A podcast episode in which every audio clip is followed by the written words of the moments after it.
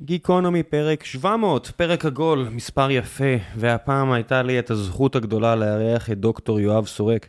יואב הוא פובליציסט ועורך כתב העת השילוח, דוקטור להיסטוריה, בעברו ערך את המוסף הספרותי תורני שבת בעיתון מקור ראשון, ואת מגזין סגולה, וניהל את היוזמה הישראלית. הוא היה uh, קצת בפוליטיקה. כשהיה העוזר של חבר הכנסת בני אלון כשר התיירות, והיה אה, גם, אה, הוא גם השתתף בניסוח היוזמה הישראלית כאמור. זאת אומרת, איש רב פעלים, מעניין, רהוט, ומישהו שחושב די שונה ממני לגבי נושאים רבים.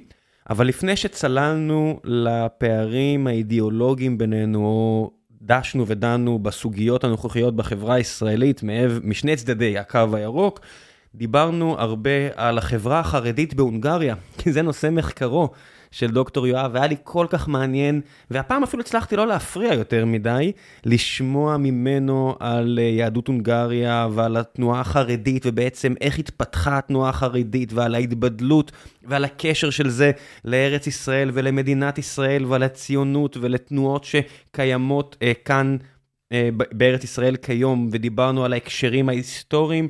ופרק שהיה לי כל כך כיף להשתתף בו ולשוחח עם האדם הרהוט הזה, וגם נתנו ייצוג, אני מאמין, אה, לכל מיני אה, מחשבות, והשיח היה מכבד וענייני, ואני שמח וגאה אה, לעזור ליצור תוכן כזה בימים שבהם אני רואה שיש הרבה מאוד השטחה של הדיון והרבה מאוד הקצנה, וכל אחד בצד שלו של המתרס, אז אני מקווה שיהיה עוד כאלה, ומקווה שתמצאו בכלל עניין. בשיח כזה כיום, לא בטוח בכלל בדבר הזה, אבל אם כן, אז שמחתי. ולפני שנגיע לפרק עצמו, אני רוצה לספר לכם על נותני החסות שלנו. והפעם הפרק מוגש לכם בחסות הפקולטה להנדסה באוניברסיטת בר אילן, הנמצאת בחזית המדע והמחקר. הפקולטה בבר אילן מכשירה מהנדסים מיומנים, יצירתיים ומומחים בתחומם לעבודה במקצועות מבוקשים ביותר בעולמות ההייטק, ביחידות הטכנולוגיות בצה"ל, בארגונים ציבוריים, בארגונים ביטחוניים ועוד. הפקולטה להנדסה מציעה ארבע תוכניות לימוד חדשניות ומתקדמות.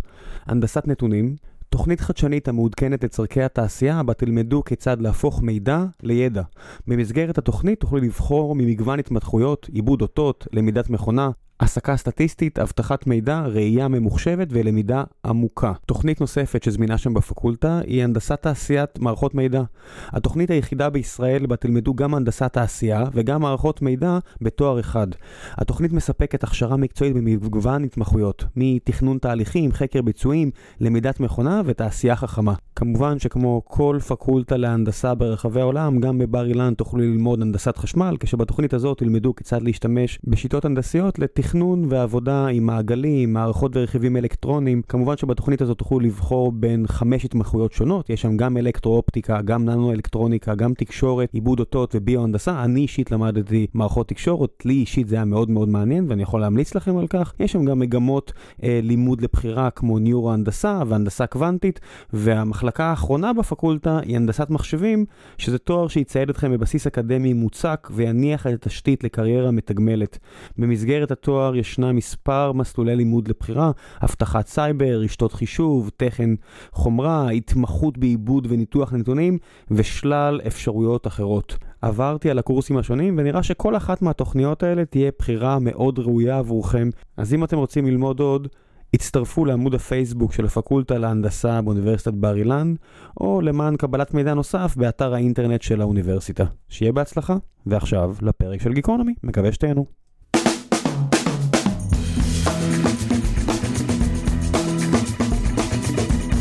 גיקונומי פרק 700, והבוקר יש לי את הזכות הגדולה לארח את דוקטור יואב סורק, פובליציסט, עורך, סופר, שלל מילים, מתכנת אפילו, אה, יש הרבה... תשמע, גם את זה עשית. טיפה, כן. טיפה. שכחתי כבר. בסדר, ככה זה, שוכחים וחוזרים לעשות את זה, אם צריך. בוקר טוב, מה העניינים? בוקר טוב. נתקלת שוב בתחבורה הנוראית של מדינת ישראל. כן, בהחלט, חוויה מטלטלת, בוא נאמר ככה. אם היה לי משהו חכם להגיד על זה, היינו מדברים על זה, אבל אין לי. לא, דווקא פתחת, ב... לפני שהתחלנו להקליט, אה, אמרתי לך שיצא לי להתקל לא מעט ב... בכתבי העת שאתה עורך וכותב בהם, ואמרתי שגם אם אני לא מסכים, נורא נעים לי לקרוא את זה, כי זה כתוב טוב. ואז דיברנו על זה שקשה לי יותר, למשל, עם כתבים אה, דתיים, שאני כאדם לא דתי, שהייתי רוצה אולי להחכים בזה, אבל משהו כמו התלמוד, גמרא, קשה להיכנס, כי בעיניי זה לא כתוב, אני עושה פה במרכאות כפולות, אל תיעלבו, טוב. כשהסברתי לך שטוב, זה אה, לא, לא קל לקריאה מבחינתי. אוקיי, אז אני, אני, אני לוקח את הכפפה שאתה זורק לכיוון, אה, בוא נאמר, אחד הכובעים ה- הלא מרכזיים שלי, שאני קצת מלמד תורה, ב, ב, בעיקר ב, במכינת עין פרת, לקבוצה של חבר'ה בוגרי צבא דווקא, למרות שזאת מכינה, יש שם גם בית מדרש, אה, משהו, פרויקט יפה מאוד, שאני שמח להיות שותף בו. אה, ואנחנו לומדים הלכה. עכשיו, הלכה, זאת, הל- הלכה זה לא הגמרא, הלכה זה ספרים כמו משנה תורה לרמב"ם, או שולחן ערוך, או ספרים יותר מאוחרים. כל ארון הספרים היהודי שנכנס לקנון, פחות או יותר. אה, כן, אבל לא, יש ספרות שנקראת ספרות הלכה. זה מה, העיסוק שלה הוא בשורה התחתונה. עכשיו, אחד הדברים אה, הכי... אה, החוויות הכי... ח- אני אמנם למדתי הרבה שנים בישיבות, יש לי הרבה רקע של, אה, של עיסוק אה, בתורה, בצדדיה השונים, אז זה לא חדש לי, ובכל זאת משהו מאוד מאוד מתבהר לי בשנים האחרונות תוך כדי ההוראה, גם שם, גם במקומות אחרים, וזה ההבדל הדרמטי בין ספרות ההלכה לבין התלמוד, שהוא לכאורה המקור של הסמכות, של כל, כל ספרי ההלכה באים לסכם את השורה התחתונה ההלכתית של התלמוד. בדרך שהם עושים את זה, ברגע שהם עושים את תהליך הסיכום, הם הורגים את העסק. מאבדים מהקסם. זה לא רק קסם, זה ויטליות, זה אה, יכולת אה, להחזיק אה, דעות שונות, יכולת לפגוש אנשים שחיים את העניין הדתי בצורה מאוד חזקה ובצורה מאוד שונה אחד מהשני. זאת אומרת, שני המוראים יכולים להתפלל בצורה הפוכה לגמרי אחד מהשני, ובשורה התחתונה, בספרות ההלכה, יעשו איזה ממוצע. ויגידו, ככה צריך להתפלל. אז זה משהו מדהים. מאוד... אז, כן. אז אני אומר, עכשיו בא הרמב"ם, רבי משה בן מימון, בגאונות מטורפת, לעשות סיכום, זה מה שהוא כותב בהקדמה לספר שלו, משנה תורה, ספר מונומנטלי, חיבור גאוני מטורף, שהוא בא לעשות סיכום לכל התורה שבעל פה, דהיינו מה שכתוב במשנה, בתלמוד הבבלי והירושלמי והמדרשים וכולי, כל מה שהוא הוא לא תנ"ך והוא מה שקוראים חז"ל במרכאות, דהיינו הספרות התלמודית כולה, הוא אומר, חבר'ה, זה נורא קשה ללמוד את זה, זה לא כתוב טוב, כמו שאתה אומר. אני אסכם לכם את זה באופן שלא תצטרכו לקרוא שום טקסט אחר חוץ מאת התנ"ך ואת זה. איזה יוהרה, איזה יומרה. יומרה מטורפת, וכעסו עליו גם על זה, ולכן אגב, במסורת אה, אוהבים להגיד שהוא קרא לספרו משנה תורה, ובפועל אף אחד לא משתמש בביטוי הזה, אולי בגלל חוסר הסכמה עם היומרה הזאת. ובין השאר מה שהוא עשה, הוא מחק את כל המחלוקות, נתן רק שורה תחתונה, לא הביא מקור לשום דבר שהוא אומר, ומאז כל המפרשים עסוקים כל הזמן, נגיד, לה, לה, לשאול את עצמם איך הוא הבין את הגמרא והגיע למסקנה הזאת, וזה מרתק, וזה מפרנס הרבה מאוד אה, תלמידי חכמים במשך דורות. אבל בין השאר, מה שהוא עשה זה להפוך את, ה, את ההלכה או את התורה שבעל פה לשפה מאוד ברורה, מאוד בהירה, מאוד רציונלית בהרבה מובנים. הוא אמר, אני מנסה לעשות את זה בלשון המשנה, גם העברית שלו נהדרת, אבל, אבל, אבל, אה, זה בעצם להכניס חתול לשק במובן שהזנב והאוזניים מציצים כל הזמן. זאת אומרת, חז"ל לא רוצים להיכנס לתוך הדבר הזה. מי שמלמד משנה תורה רואה כל הזמן את הדבר הזה, שהרמב"ם נותן, רוצה לבנות מהלך של כלל ופרטים ו- ו- ו- ו- ולוגיקה. מצד שני, הוא נאמן לזה שהוא אמור לסכם את הגמרא, אז הרבה פעמים הפרטים לא מתאימים לכלל שהוא הגדיר. הוא מביא אותם כי הוא נאמן. אבל המודל שהוא בנה לא עובד הרבה פעמים. וכשאתה נפגש עם הגמרא, אתה מוצא משהו הרבה יותר בועט, חי ו- ומגוון, והוא לא יכול, להת... זה, זה לא צורת החשיבה היוונית שהרמב"ם ניסה לכפות על העולם של חז"ל, שיש בו יסוד מאוד מאוד רציונלי והומניסטי וכולי וכולי, שדומה ליוונים, אבל יש בו גם יסוד אחר, כאוטי יותר, אני מכיר שיש כל מיני... יותר, שעובד במקום אחר. יש כל מיני חברים אה, בוגרי ישיבות, או חבר'ה שהיו מסביב לעולם הזה, שאמרו לי שאפילו ביקשו מהם לא להתקרב לרמב"ם, כי זה יכול לקחת אותם למקום לא טוב, כי הם לא מספיק מנוסים, חכמים, משכילים, כדי לגעת ברמב"ם. זאת אומרת, ממש הרב בישיבה ממש אמר אבל לא, להם... הם לא התכוונו, כשאמרו להם את זה, הם דיברו על מורה נבוכים לרמב"ם. זה החיבור כן. הפילוסופי המאוד, אה, אה, נקרא לזה, נועז של הרמב"ם, שהוא מאוד בעייתי. לא כי- דיברו על כי הוא משנה מסתכל תורה. על בכל פילוסופיה הישיבות לא עוסקים יהודית. כל היום במשנה תורה. לא, זה, זה ברור שזה לא מורה נבוכים ממש. בגלל, כן, שהוא, כן. בגלל שיש שם התייחסות לפילוסופים יוונים וכו' וכו', והוא כן לא, מכיר גם- בהם. התפיסות שלו הן לא קלאסיות. אה, כן. אז רציתי לשאול אותך דווקא על, על הדבר הזה, אמ, האם יש איזושהי ביקורת כלפי, אולי איזושהי השטחה, כי אני בדיוק עכשיו אה, מסיים לקרוא את הספר של אה, טוביה טננבאום, אה, הוא כתב ספר, הוא מסתובב במאה שערים, ו... חרדי וטוב לו. חרדי וטוב לו, כך נקרא לא הספר. קראתי, אבל שמעתי אז עליו. כ- כך נקרא הספר, ואחד הדברים שעולים מהספר, וגם למשל עלה משיחה שקיימתי פה עם הרב חיים אמסלם, אמ, ולמדתי הרבה דברים, כי אני לחלוטין מו- מו- מוצף בבורות עצמית לגבי העולם הזה, אבל זה די מעניין אותי, על כך שיש כל מיני דברים שהם אקסיומטיים, ורוב החבר'ה שהוא שאל אותם, לפחות אני לא יודע אם זה הוא עשה cherry picking או לא, לא מבינים בכלל או לא יודעים להגיד לו למה. הוא אומר משהו מאוד פשוט, אה, אסור להסתכל על נשים. ואז הוא אומר, תגידו, והוא לאורך כל הספר אומר, תגיד, מאיפה זה מגיע האיסור הזה? ואז כל אחד זורק כזה אוטומט, אה, זה ממסכת אה, עבודה זרה. אה, זה מספר דברים, הוא אתה יכול להראות לי איפה בדיוק הפסוק שאסור? ואז הבן אדם רץ להלעל ואומר, אה, רגע, שנייה, אני לא יודע בדיוק, אבל זה אסור, זה אסור. זאת אומרת, זה קצת כמו הרמב"ם של... ואז הוא, הוא טוביה מוסיף שבגמרא אתה יכול למצוא רבנים שאמרו שמותר להסתכל, רבנים שאמרו שאסור, רבנים שאומרים שמותר להסתכל רק אם האישה יפה או לא יפה, ואז מותר להביט אבל לא להסתכל. זאת אומרת, ההתפלפלות הזו שקצת נעלמה והושטחה לסט של אקסיומות שלא מערערים עליהם. תראה, אין מה לעשות, כאשר אתה בונה, אה, כאשר אתה מתחזק מגזר, נקרא לזה כך, ואתה בונה מערכת חינוך, ואתה רוצה לשמור אנשים בקו מסוים, אתה, ברור שאתה מאבד את העושר והמורכבות בהכרח, כאילו, אתה, אתה לא יכול... אה, תשמע, בוא, בוא תיקח נושא אחר, נניח שהיום הוא חם והוא מאוד אה, אה, אה, בוער, נ- אם הלכת לחרדי, בוא נלך לחילוני, ובוא נדבר על מושג כמו דמוקרטיה.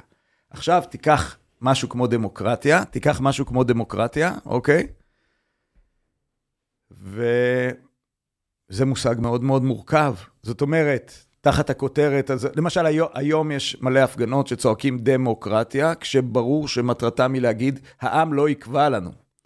זאת אומרת שזה אה, לא קצת יודע אם הפוך. העם לא יקבע לנו, הם רוצים הרוב. לצעוק כן. ליברליזם נניח, אבל הם צועקים דמוקרטיה, כשהם בעצם מפגינים נגד הבחירות, כלומר נגד הדמוקרטיה ובעד אוליגרכיה מסוימת, אריסטוקרטיה, דברים שאגב לא בטוח שהם לא נכונים, והראה אצלנו בהשילוח לפני כמה שנים במאמר מאוד מעניין, שנקרא איך לדבר נכון על דמוקרטיה, שבדיוק הוא הראה שכמעט בכל משטר מתוקן יש שילוב בין יסודות דמוקרטיים ליסודות אריסטוקרטיים, ואין שום ו- ו- וכל ההוגים של הדמוקרטיה אמרו שפופוליזם זה מאוד מסוכן, אסור להיות לגמרי דמוקרטיים.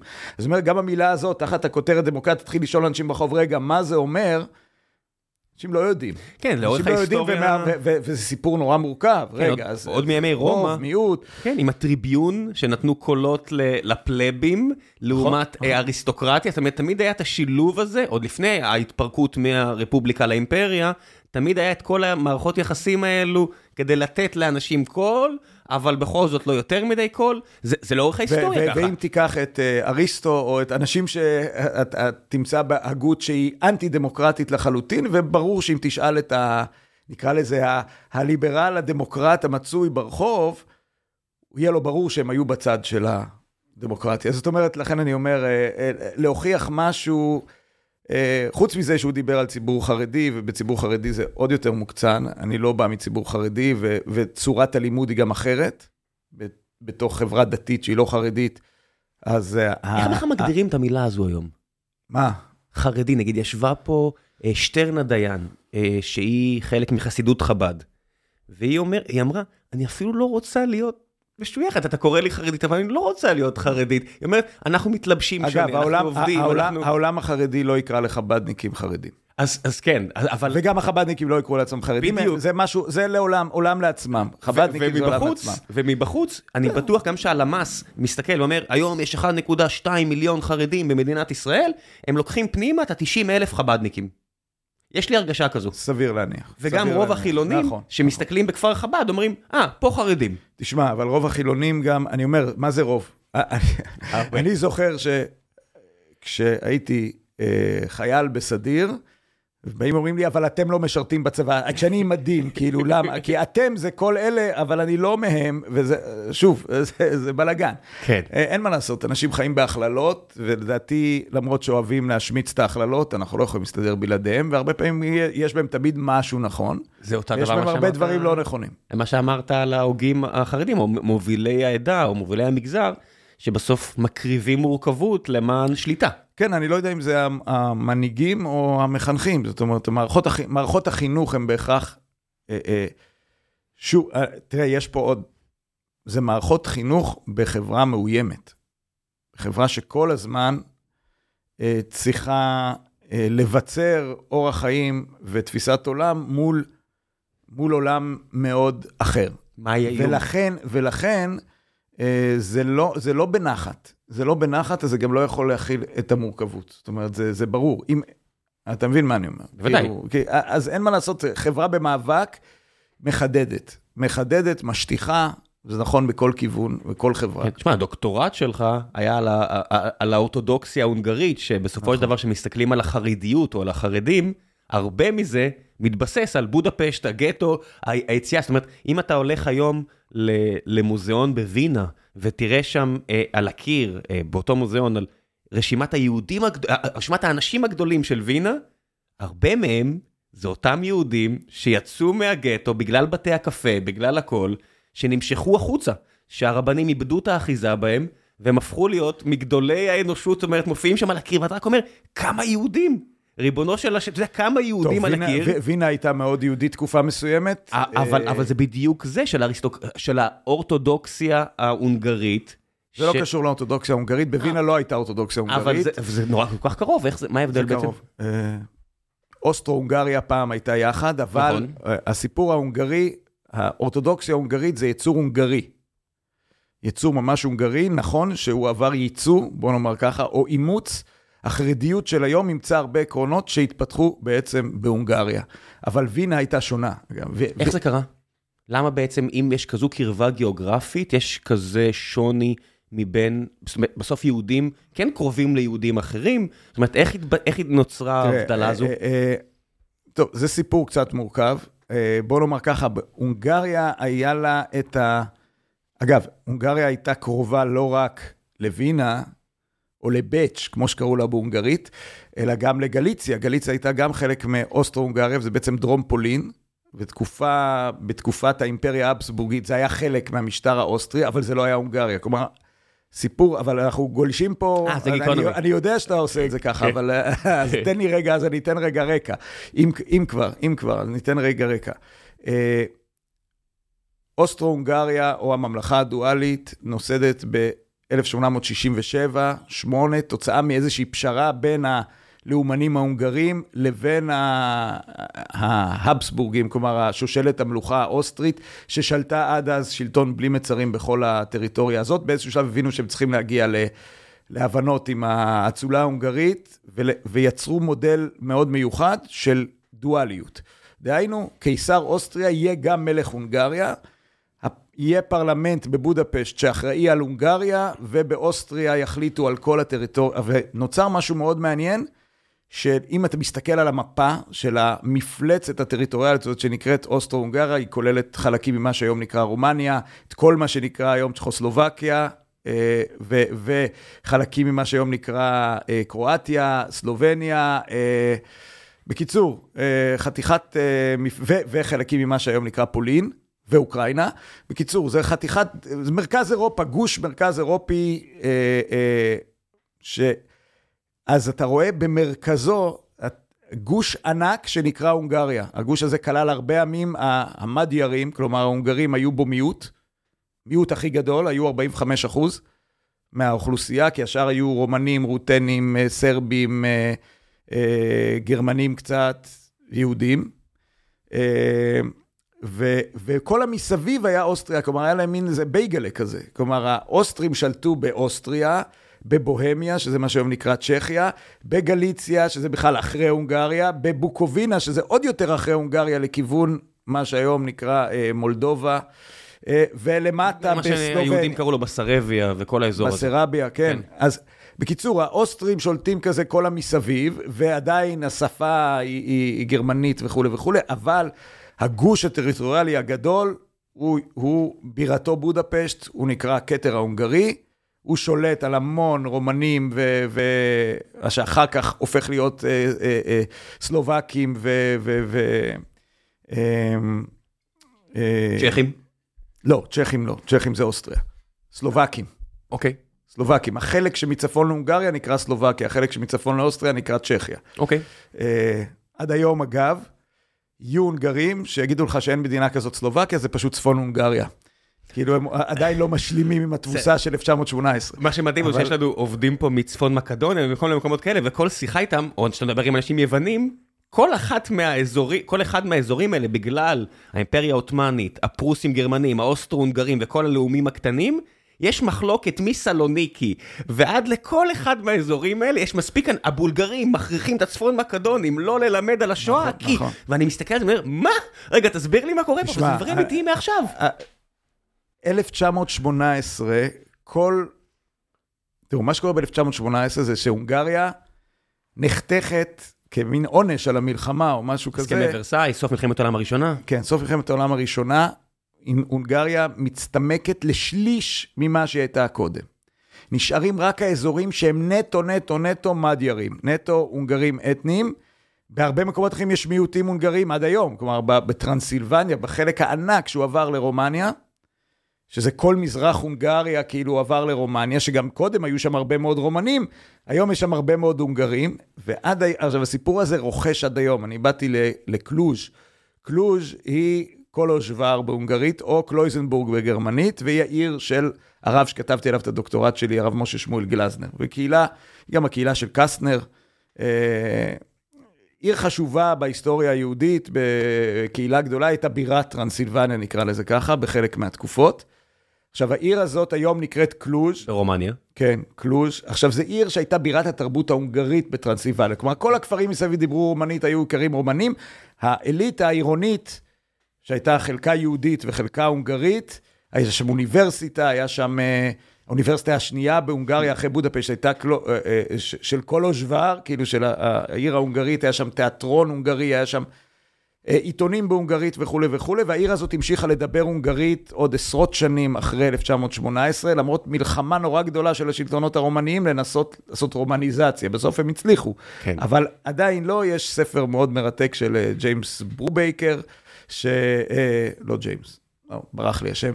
אבל שמדבר על המולטי-אתניות של עיר, mm. ש, שעד היום עשוכה. עכשיו, שאני באתי לבקר שם, באתי לבקר שם ב-2000... לא? לא, לא, לא, לא שם. אה, אה, באתי לבקר שם ב-2017 נראה לי, ו... בקלוז'? כן, בקלוז'. ו... וא', באמת העיר, אה, היה באותו זמן ויכוח עצום.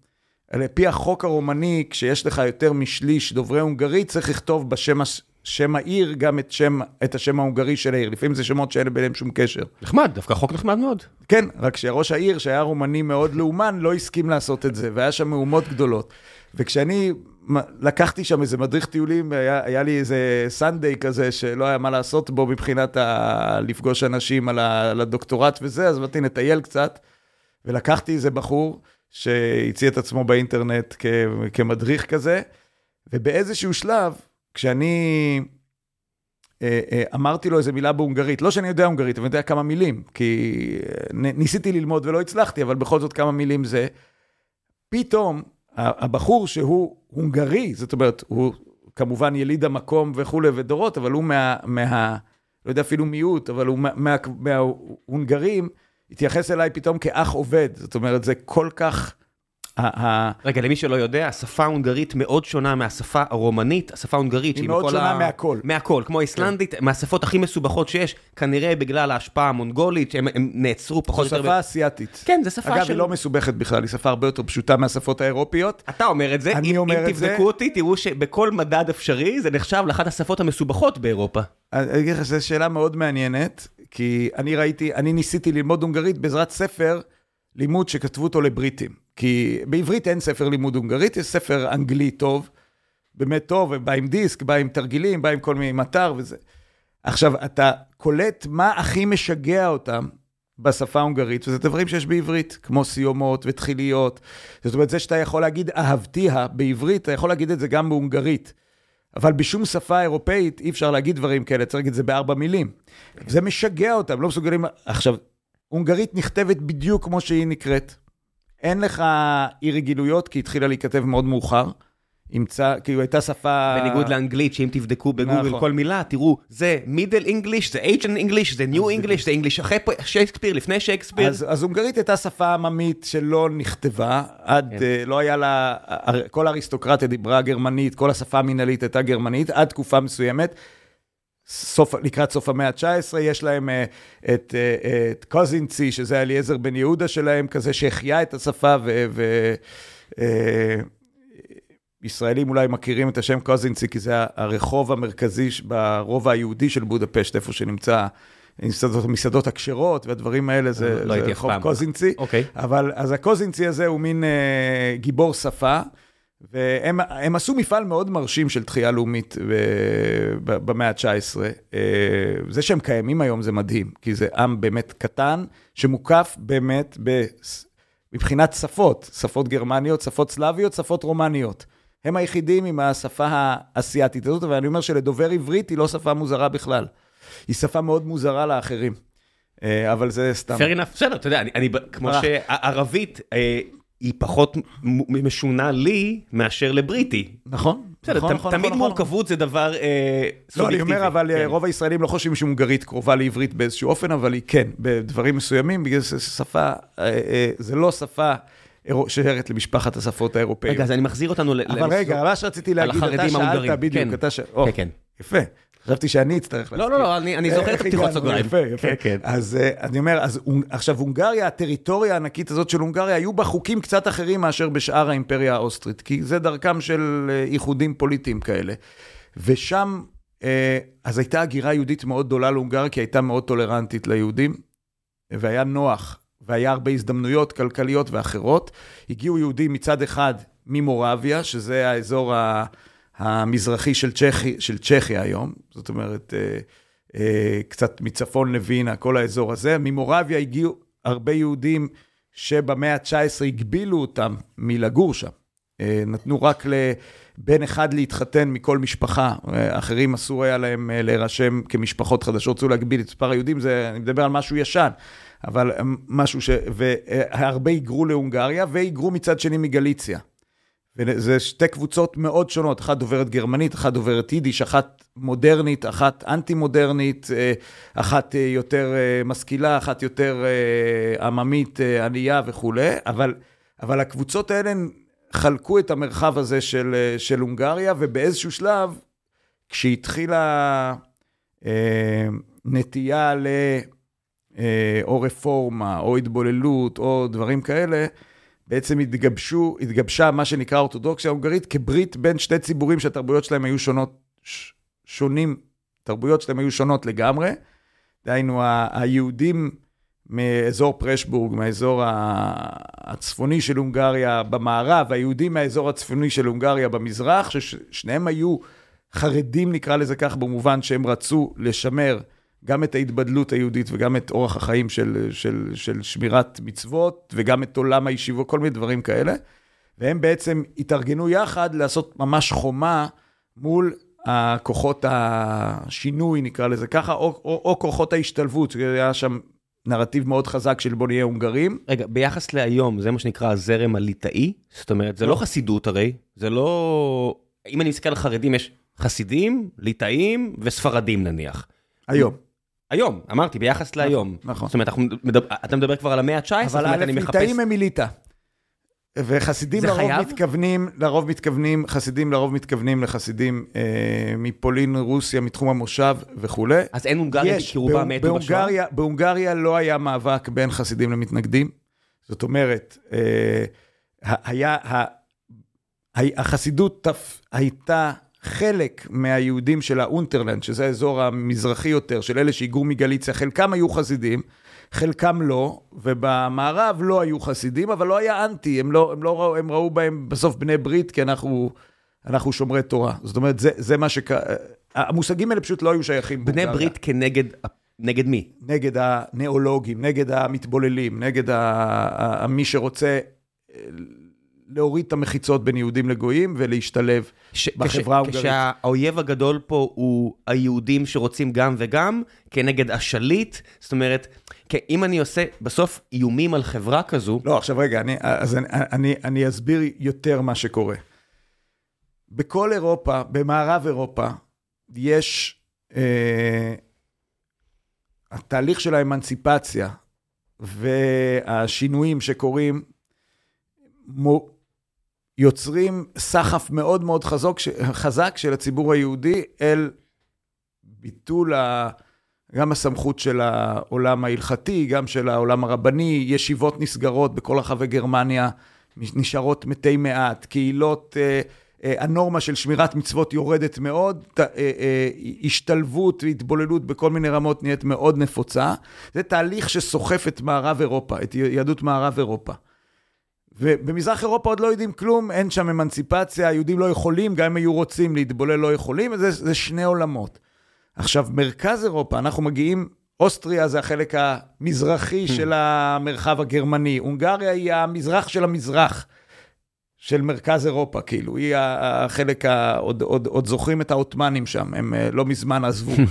וזה אזור אה, גם נטוש יחסית, כלומר, ב... מבחינת כמות אוכלוסייה. ה-17, כן, מכ- מכל מיני בחינות. אה, פחות מפותח, אבל אז הציבור, זאת אומרת, זה המקום היחיד שמתגבשת בזמן אמת, זאת אומרת, מתחילים תהליכי מודרניזציה מהירים, אבל קצת יותר איטיים, ויש ציבור מסורתי מספיק גדול וחזק, שיכול להתארגן לבנות חומה, נקרא לזה ככה, וזה קשור מאוד למנהיגות של חתם סופר. חתם סופר הוא דמות מרתקת, כי חתם רבי משה סופר, חתם סופר, שנפטר ב-1939. הוא היה יליד פרנקפורט, גדל על, על תרבות יהודית יקית, כן?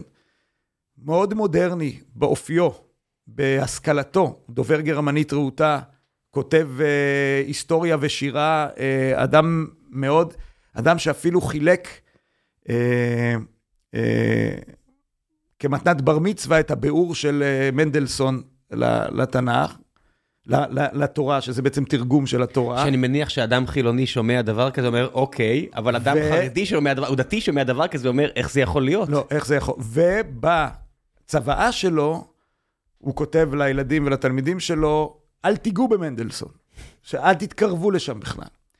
והוא יוצא בחריפות נגד, אה, נגד חלק מ- מלימודי החול ונגד כל מיני תופעות. זאת אומרת, הוא מבין באיזשהו שלב, כבר כשהוא רב בפרשבורג, שזה גיל יחסית מתקדם, שהיא קהילה מאוד מודרנית, דוברת גרמנית לגמרי, כן? אבל הוא מבין שהתהליכים האלה הם איום על ההמשך של המסורת היהודית, ולכן הוא הופך להיות מתנגד שלהם. לא כי אידיאולוגית יש לו משהו נגד השכלה, אלא בגלל כל החבילה שבאה עם הדבר הזה. ולכן אתה רואה בן אדם שהוא בעצמו משכיל מכל בחינה שהיא, כלומר, אה, היית יכול לש- לשים אותו עם שורת הרבנים המשכילים, שזה זה ז'אנר שלם, קיים, מוכר, הוא הופך להיות מנהיג, מה שהופך להיות החרדיות, שעוד לא קיימת בימיו, וגם הלכה יותר לקיצון ממה שהוא אולי התכוון, ויש בין צאצאיו? ותלמידיו יש הבדלים. מה הוביל אני חושב שהיה לו הכרה פוליטית היסטורית מאוד חריפה של מה, מה הוא רואה, והוא גם הרגיש, היה לו תחושה שהוא מנהיג הדור ושיש עליו אחריות. זאת אומרת, איזו תחושת אה, נבואית כמעט כזאת, או... סלח לי על השאלה האישית יותר. כן, כמי שיושב מולי כן, ובלי כיפה לראשו, כן. אתה מבין את ה... זאת אומרת, בדיעבד, אני יכול להגיד מה שאני רוצה על החרדיות, החרדים, אבל אני אמפתי, אני מבין את הבסיס של הטיעון, כי באמת, אם תחשוף אדם לחול ולמודרנה, הסבירות שהוא יצא בשאלה גדולה יותר. מצד שני, הביקורת שלי גדולה, כי אני אומר, זה לא סוסטיינבילי הסיפור הזה של נכון. להרים חומות למעלה ונחיה לבד, כי מה לעשות במאה ה-21, גם בלי האויבים מסביב, אני לא רואה איך זה מתכנס. אתה, עם כל מה שאתה לא, לא, לא, עברת אבל בחייך, אני, אני חושב שחסר לך פה מרכיב אחד כן. במשוואה שלך. כי אתה מסתכל על זה מנקודת מבט של היום, אתה רואה חברה יותר מודרנית, יותר מחולנת, או פחות, או יותר חרדית, או יותר זה. יש פה סיפור אחר, ש... וסיפור של הישרדות לאומית. אנחנו מדברים על עם מפוזר, אין, אין ארץ ישראל עוד, אין ציונות, אין שום דבר. יש יהודים חיים בין הגויים, אם הם מאמצים את התרבות שלהם ומורידים את ההגנות, נגמר. נעלם. נגמר הסיפור. התמוסס. זאת אומרת, הלפיד לא עובר הלאה. יש הבדל גדול בין רב שבטוח בהמשכיות של העם היהודי כעם נבדל, שיכול להגיד, בוא, בוא נלמד כמה שאפשר, בוא נחשף ל...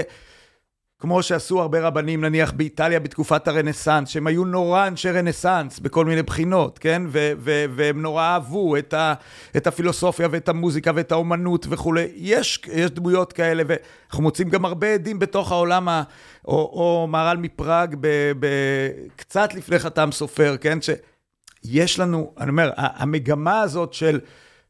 בוא לא נצטמצם רק בדלת אמות של הלכה ושל זה, היא מגמה קלאסית בתוך עולם התורה בין גדולי ישראל, זה בכלל לא חידוש.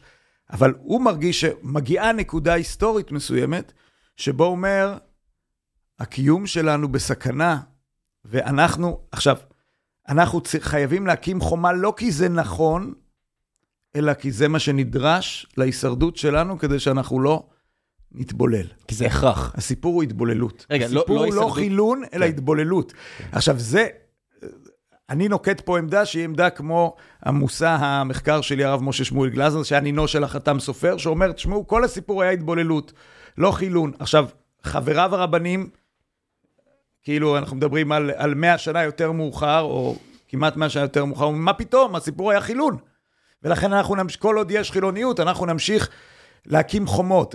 הוויכוח הוא על הציונות. כמו הוא אומר, ברגע שכולם הולכים לסיפור הציוני, מה זה מעניין אותי אם אדם שומר יותר או פחות? לא צריך לעשות קהילות נפרדות, לא צריך לעשות את כל הדברים האלה, לא צריך חרדיות בעצם. תסביר בבקשה את ההבדל. זאת אומרת, כי זה דברים שנראה לי נראים לך טריוויאליים, ואני okay, מניח שלרוב okay. המאזינים כמוני, ההבדל הגדול בין אה, חילון להתבוללות זה ההגדרה האישית שלי? זאת אומרת, אם אני אומר שאני יהודי, או בכלל לא אומר שאני יהודי? אני, אני, בוא, אני אספר לך סיפור מסוים, אוקיי? אה, רב הונגרי אחר, קצת אחרי החתם סופר, קוראים לו משה אריה רוט, אוקיי? והוא רב חרדי קלאסי, נחשב, חשוב, חרדי, שוב, אני אומר, מילה חרדי היא אנכרוניסטית, אבל כן. רב של קהילה אורתודוקסית, כן אפשר להגיד, כבר היה, המושג הזה כבר היה קיים, הוא נוצר בעיקר בהונגריה ובגרמניה, אבל הוא בהחלט שייך ל... ל אה, אה, חוץ מזה שהוא רב, הוא גם רב, כאילו לא ליברל או במיוחד או משהו כזה, לא מחפש חידושים, אבל הוא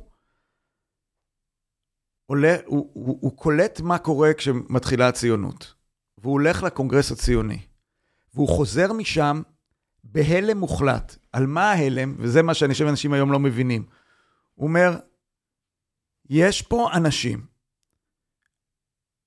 שהלכו כבר כלומר, העם היהודי, כל העילית, נקרא לזה ככה, היותר משכילה, היותר מעורבת בתרבות המודרנית וכולי, הייתה בכיוון מאוד מאוד ברור, השתלבות, התבוללות, להפוך להיות גרמנים, צרפתים, הונגרים, לא משנה מה, כן? ולתש... צרפתים גרמנים יהודים או צרפתים לא, גרמנים נוצרים? לא נוצרים, לא יהודים, משנה? לא, זה לא כל כך משנה, לא, שנייה, אה, אנחנו רוצים להשתלב, אולי הכנסייה שלנו תהיה יהודית.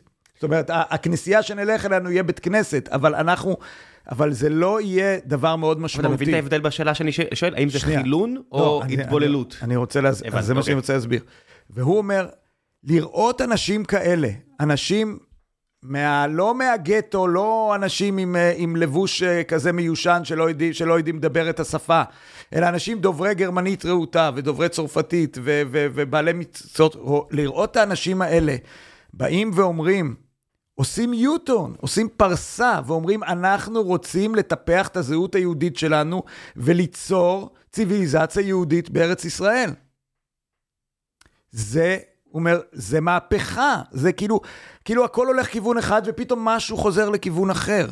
ההבנה הזאת שהציונות, אם אתה מסתכל במבט של דתיות, חילוניות, ציונות היא אולי יכולה להמשיך תהליכים של חילון, היא לא בהכרח, אבל אם אתה מסתכל במובן של זהות יהודית, הציונות הייתה החלטה לבחור בזהות היהודית, במק... כלומר, או מתוך הבנה שלא נוכל להשתלב, או שאנחנו לא רוצים להשתלב, יש לנו משהו חשוב להגיד לעולם כיהודים. לא משנה איך, זה עדיין מדינה יהודית. בדיוק כמו שאמר הרצל, בפתיחת הנאום שלו בקונגרס הציוני הראשון, הציונות היא קודם כל שיבה אל יהדותנו לפני שהיא שיבה אל ארץ היהודים. כאילו, היא קודם כל שיבה אל עצמנו לפני ש...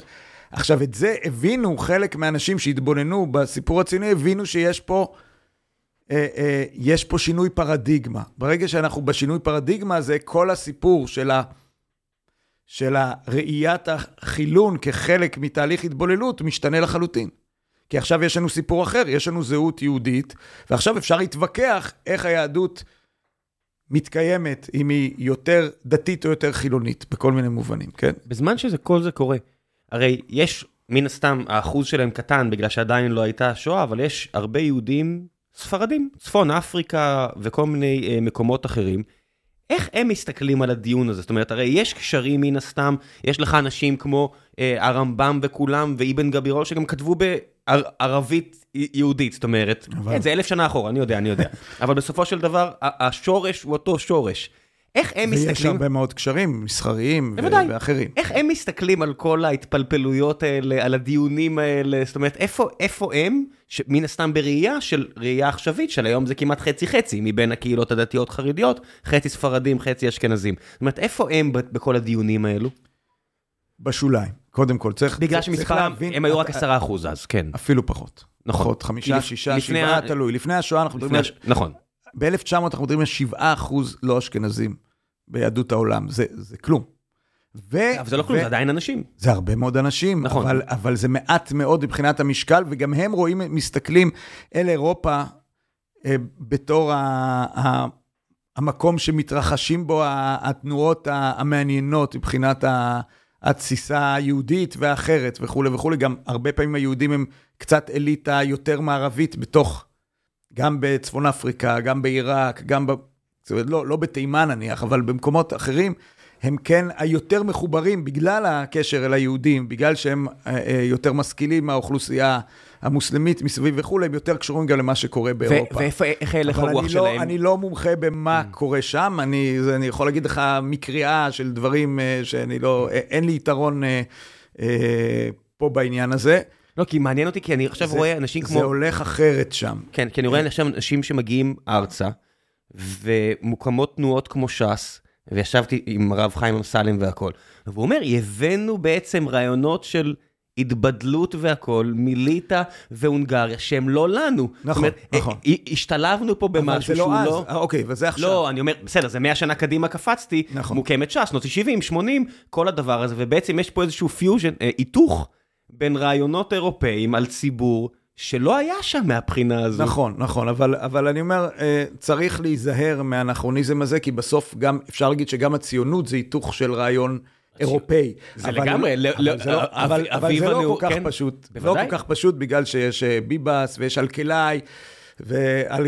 אה, זאת אומרת, בוא נאמר ככה, הציונות מסורתית קלאסית שאומרת יהודים צריכים לשוב לציון ולקיים בה זה משהו כל כך עתיק, והוא הרבה יותר עבר חלק בקהילות המזרחיות שלא עברו משבר חילון כמו באירופה, ש, ששם דווקא היה הרבה יותר קל, כלומר כמעט אין לך אנטי-ציונות מזרחית, אין דבר כזה, מה שיש לך באירופה בתוך החברה הדתית, יש לך אנטי-ציונות. אין, אין אדמו"רים ורבנים גדולים שנלחמים בציונות בתוך, ה, בתוך העולם ה, ה, של יהדות צפון אפריקה, או של... כי, כי מה זה? לחזור לארץ ישראל, איך אפשר להתווכח על זה בכלל? כאילו זה משהו פשוט, אנחנו מתפללים על זה כל הזמן, רק בתוך הקונטקסט המאוד מסובך של הסיפור האירופאי, של אה, משבר של השכלה, חילון, אה, אה, אז, אז פתאום יכולים לראות את הציונות כעוד סוכן של חילון, ואז להתנגד לה. איפה מהבחינה הזו, אה, עם השנים מתפתחת או מתפתח החיבור? אבל אני רגע רוצה כן. לחזור לאיפה שהיינו. רציתי, אמרתי כן. קודם שבהונגריה מצליחים החברה ה... אה, שקראה לעצמה אחר כך אורתודוקסית בעצם, היא עוד לא, החברה הדתית יותר, מצליחה להקים איזושהי חומה אפקטיבית, מה שלא קרה. במערב אירופה הרבנים נהיו שוליים מאוד, העולם שהתעקש לשמור על התורה בצורה מסורתית יותר, הפך להיות מיעוטים קטנים מאוד בתוך, בתוך הקהילות. יש מהם הרבה תרומה מפוארת להגות היהודית מהיקים האלה המעטים, אבל בהונגריה נהיה ציבור, 50 אחוז מהציבור, בסופו של דבר הגדיר את עצמו כחלק מקהילות אורתודוקסיות, וזה חתיכת מסה, וחלקם היו גם אנשים מאוד מודרניים ומשכילים, כלומר, החלק המערבי, אז זה היה, שם היה, שם היה fight, כאילו. fight אידיאולוגי בין החילון. כן, לאורתודוקסיה. שם נוצרה ציבוריות אורתודוקסית חזקה, שגם קיימה עולם ישיבות מאוד פורח ומשגשג, והיא הפכה להיות המודל, ולכן כל כך ו- ושם נעשה הניסוי, אגב, הראשון ההיסטורי, של ליצור בעצם הפרדה משמעותית של קהילות. לבוא להגיד, קהילה צריכה להחליט אם היא שייכת לאלה או לאלה, ואנחנו לא ממש עם אחד, כאילו, מבחינתנו. אנחנו מעדיפים לוותר, אני אומר, זו החשיבה של המפרידים. תעזבו אותם, הם רוצים להתבולל, תיתן להם להתבולל. אנחנו רוצים את התואר הקהילות שלנו, וזו... עכשיו, אומר הרב גלסדר ואומרים אחרים, זה היה אמצעי, אה, אמצעי אה, אה, חירום בשביל לבלום תהליך של התבוללות. ברגע שאין איום כזה, אסור להישאר עם הדבר הזה, כי זה נורא ואיום. עם ישראל הוא עם, הוא לא יכול להיות אה, אה, כת דתית, אבל רוב, ה, רוב הרבנים ההונגרים דווקא הופכים את זה לאידאל. למה הופכים את זה? כי זה עובד נהדר. פתאום יש לך... יש לך תרבות דתית משגשגת בקהילות, ש, שכל הנודניקים האפיקורסים למיניהם פשוט הולכים למקום אחר ולא מפריעים לנו יותר, ו, ו, ויש, כמו שאני אומר, עולם ישיבות מאוד משגשג, ויש יש חיוניות, וזה, וזה הולך נהדר, ו, וזה טוב. איזה כיף שאנחנו לא צריכים להתעסק עם הפשרות האלה, עם, עם החילוניים האלה. אבל כאילו. לא כל הקטע של היהדות מהתלמוד זה שאלות. מיוצא, נכון, וזה אחר כך מיוצא. כלומר, אחר כך במזרח אירופה, חלק מה... שבה לא היה אף פעם הפרדת קהילות כזאת, תמיד היו כולם יחד, והיה גם תפיסה יותר אה, לאומית, ולכן גם הציונות תפסה יותר בקלות, אבל עדיין שם בהחלט חלק מהאדמו"רים וחלק מהרבנים אמרו, וואלה, בוא נעשה אותו דבר, זה עובד נהדר, ובעצם הקמת אגודת ישראל, כארגון עולמי של האורתודוקסים, פעם ראשונה בתולדות העם היהודי, שיש כאילו התארגנות רשמית של אנשים שהם יותר דתיים מאחרים, או משהו כזה. והתארגנות שחלק התנגדו לה, ו... אבל רוב הרבנים מאוד שמחו בה והיו חלק ממנה. אז כן, זה, זה ייצוא של הקונספט ההונגרי אל, אל העולם היהודי הרחב. זה ממש מעניין, כי היום אתה רואה את התפיסה של חילוניות, של אנחנו חלק מהעולם הגדול, זה היה, בוא נגיד, לפני שלושה חודשים, וזה הגיע למצב שהלאומיות, לא הלאומנות אפילו, הלאומיות הייתה כל כך מוקצה, שיום עצמאות בתל אביב, בניגוד נגיד לבאר שבע איפה שגדלתי, אין דגלים ברחוב. עצם הדגל, לשים אותו... זה ההישג הכי גדול של המחאה. חכה, אני, אני, אז אני אומר, עצם הדגל היה כן. אה, אמרה. זאת אומרת, לא היה דגל. עזוב, עזוב, אני לא רוצה, הדגל זה הכיבוש, הדגל זה, אני לא רוצה את הדגל, לא רוצה את הלאומיות, אני חלק מהעולם הגדול. ועכשיו התחיל העניין הזה, כולה בשלושה חודשים. ואתמול אני הלכתי אה, ברחובות תל אביב וצילמתי, ושלחתי לחברים, ואיזה חבר אחר שעדיין, אה, עדיין, הוא גר בדרום, גר באחד היישובים ליד באר שבע. והוא אומר לי, בעשר שנים של ימי עצמאות בתל אביב, ביחד, מצרפית, לא היה כמות כזו של דגלי, דגלי ישראל, ואפילו לא ביום העצמאות. ואני אומר, אתה יודע, כמו שאתה אמרת, בהונגריה, שהיה את האורתודוקסיה, שאמרה, אנחנו רוצים את הלאום, והם ילכו לאיפה שהם רוצים, אבל להם לא היה לאום, כי זה היה חלק מהונגריה, זה היו פטריוטים אה, הונגרים. אה, הונגרים. והיה לך פטריוטים גרמנים שהמציאו את הצקלון ב. שהמציאו את הגז שימית את, אה, את אה, אחיהם 30 שנה אחרי זה, כי רצו לעזור למאמץ המלחמה הגרמני, כי הרגישו גרמנים, אבל לא היה להם לאום משלהם, ופה היה פתאום בארץ ישראל לאום ישראלי יהודי, מדינה יהודית ודמוקרטית או דמוקרטית, איך שאתה לא רוצה לקרוא לזה, וזה הלך והתמסמס.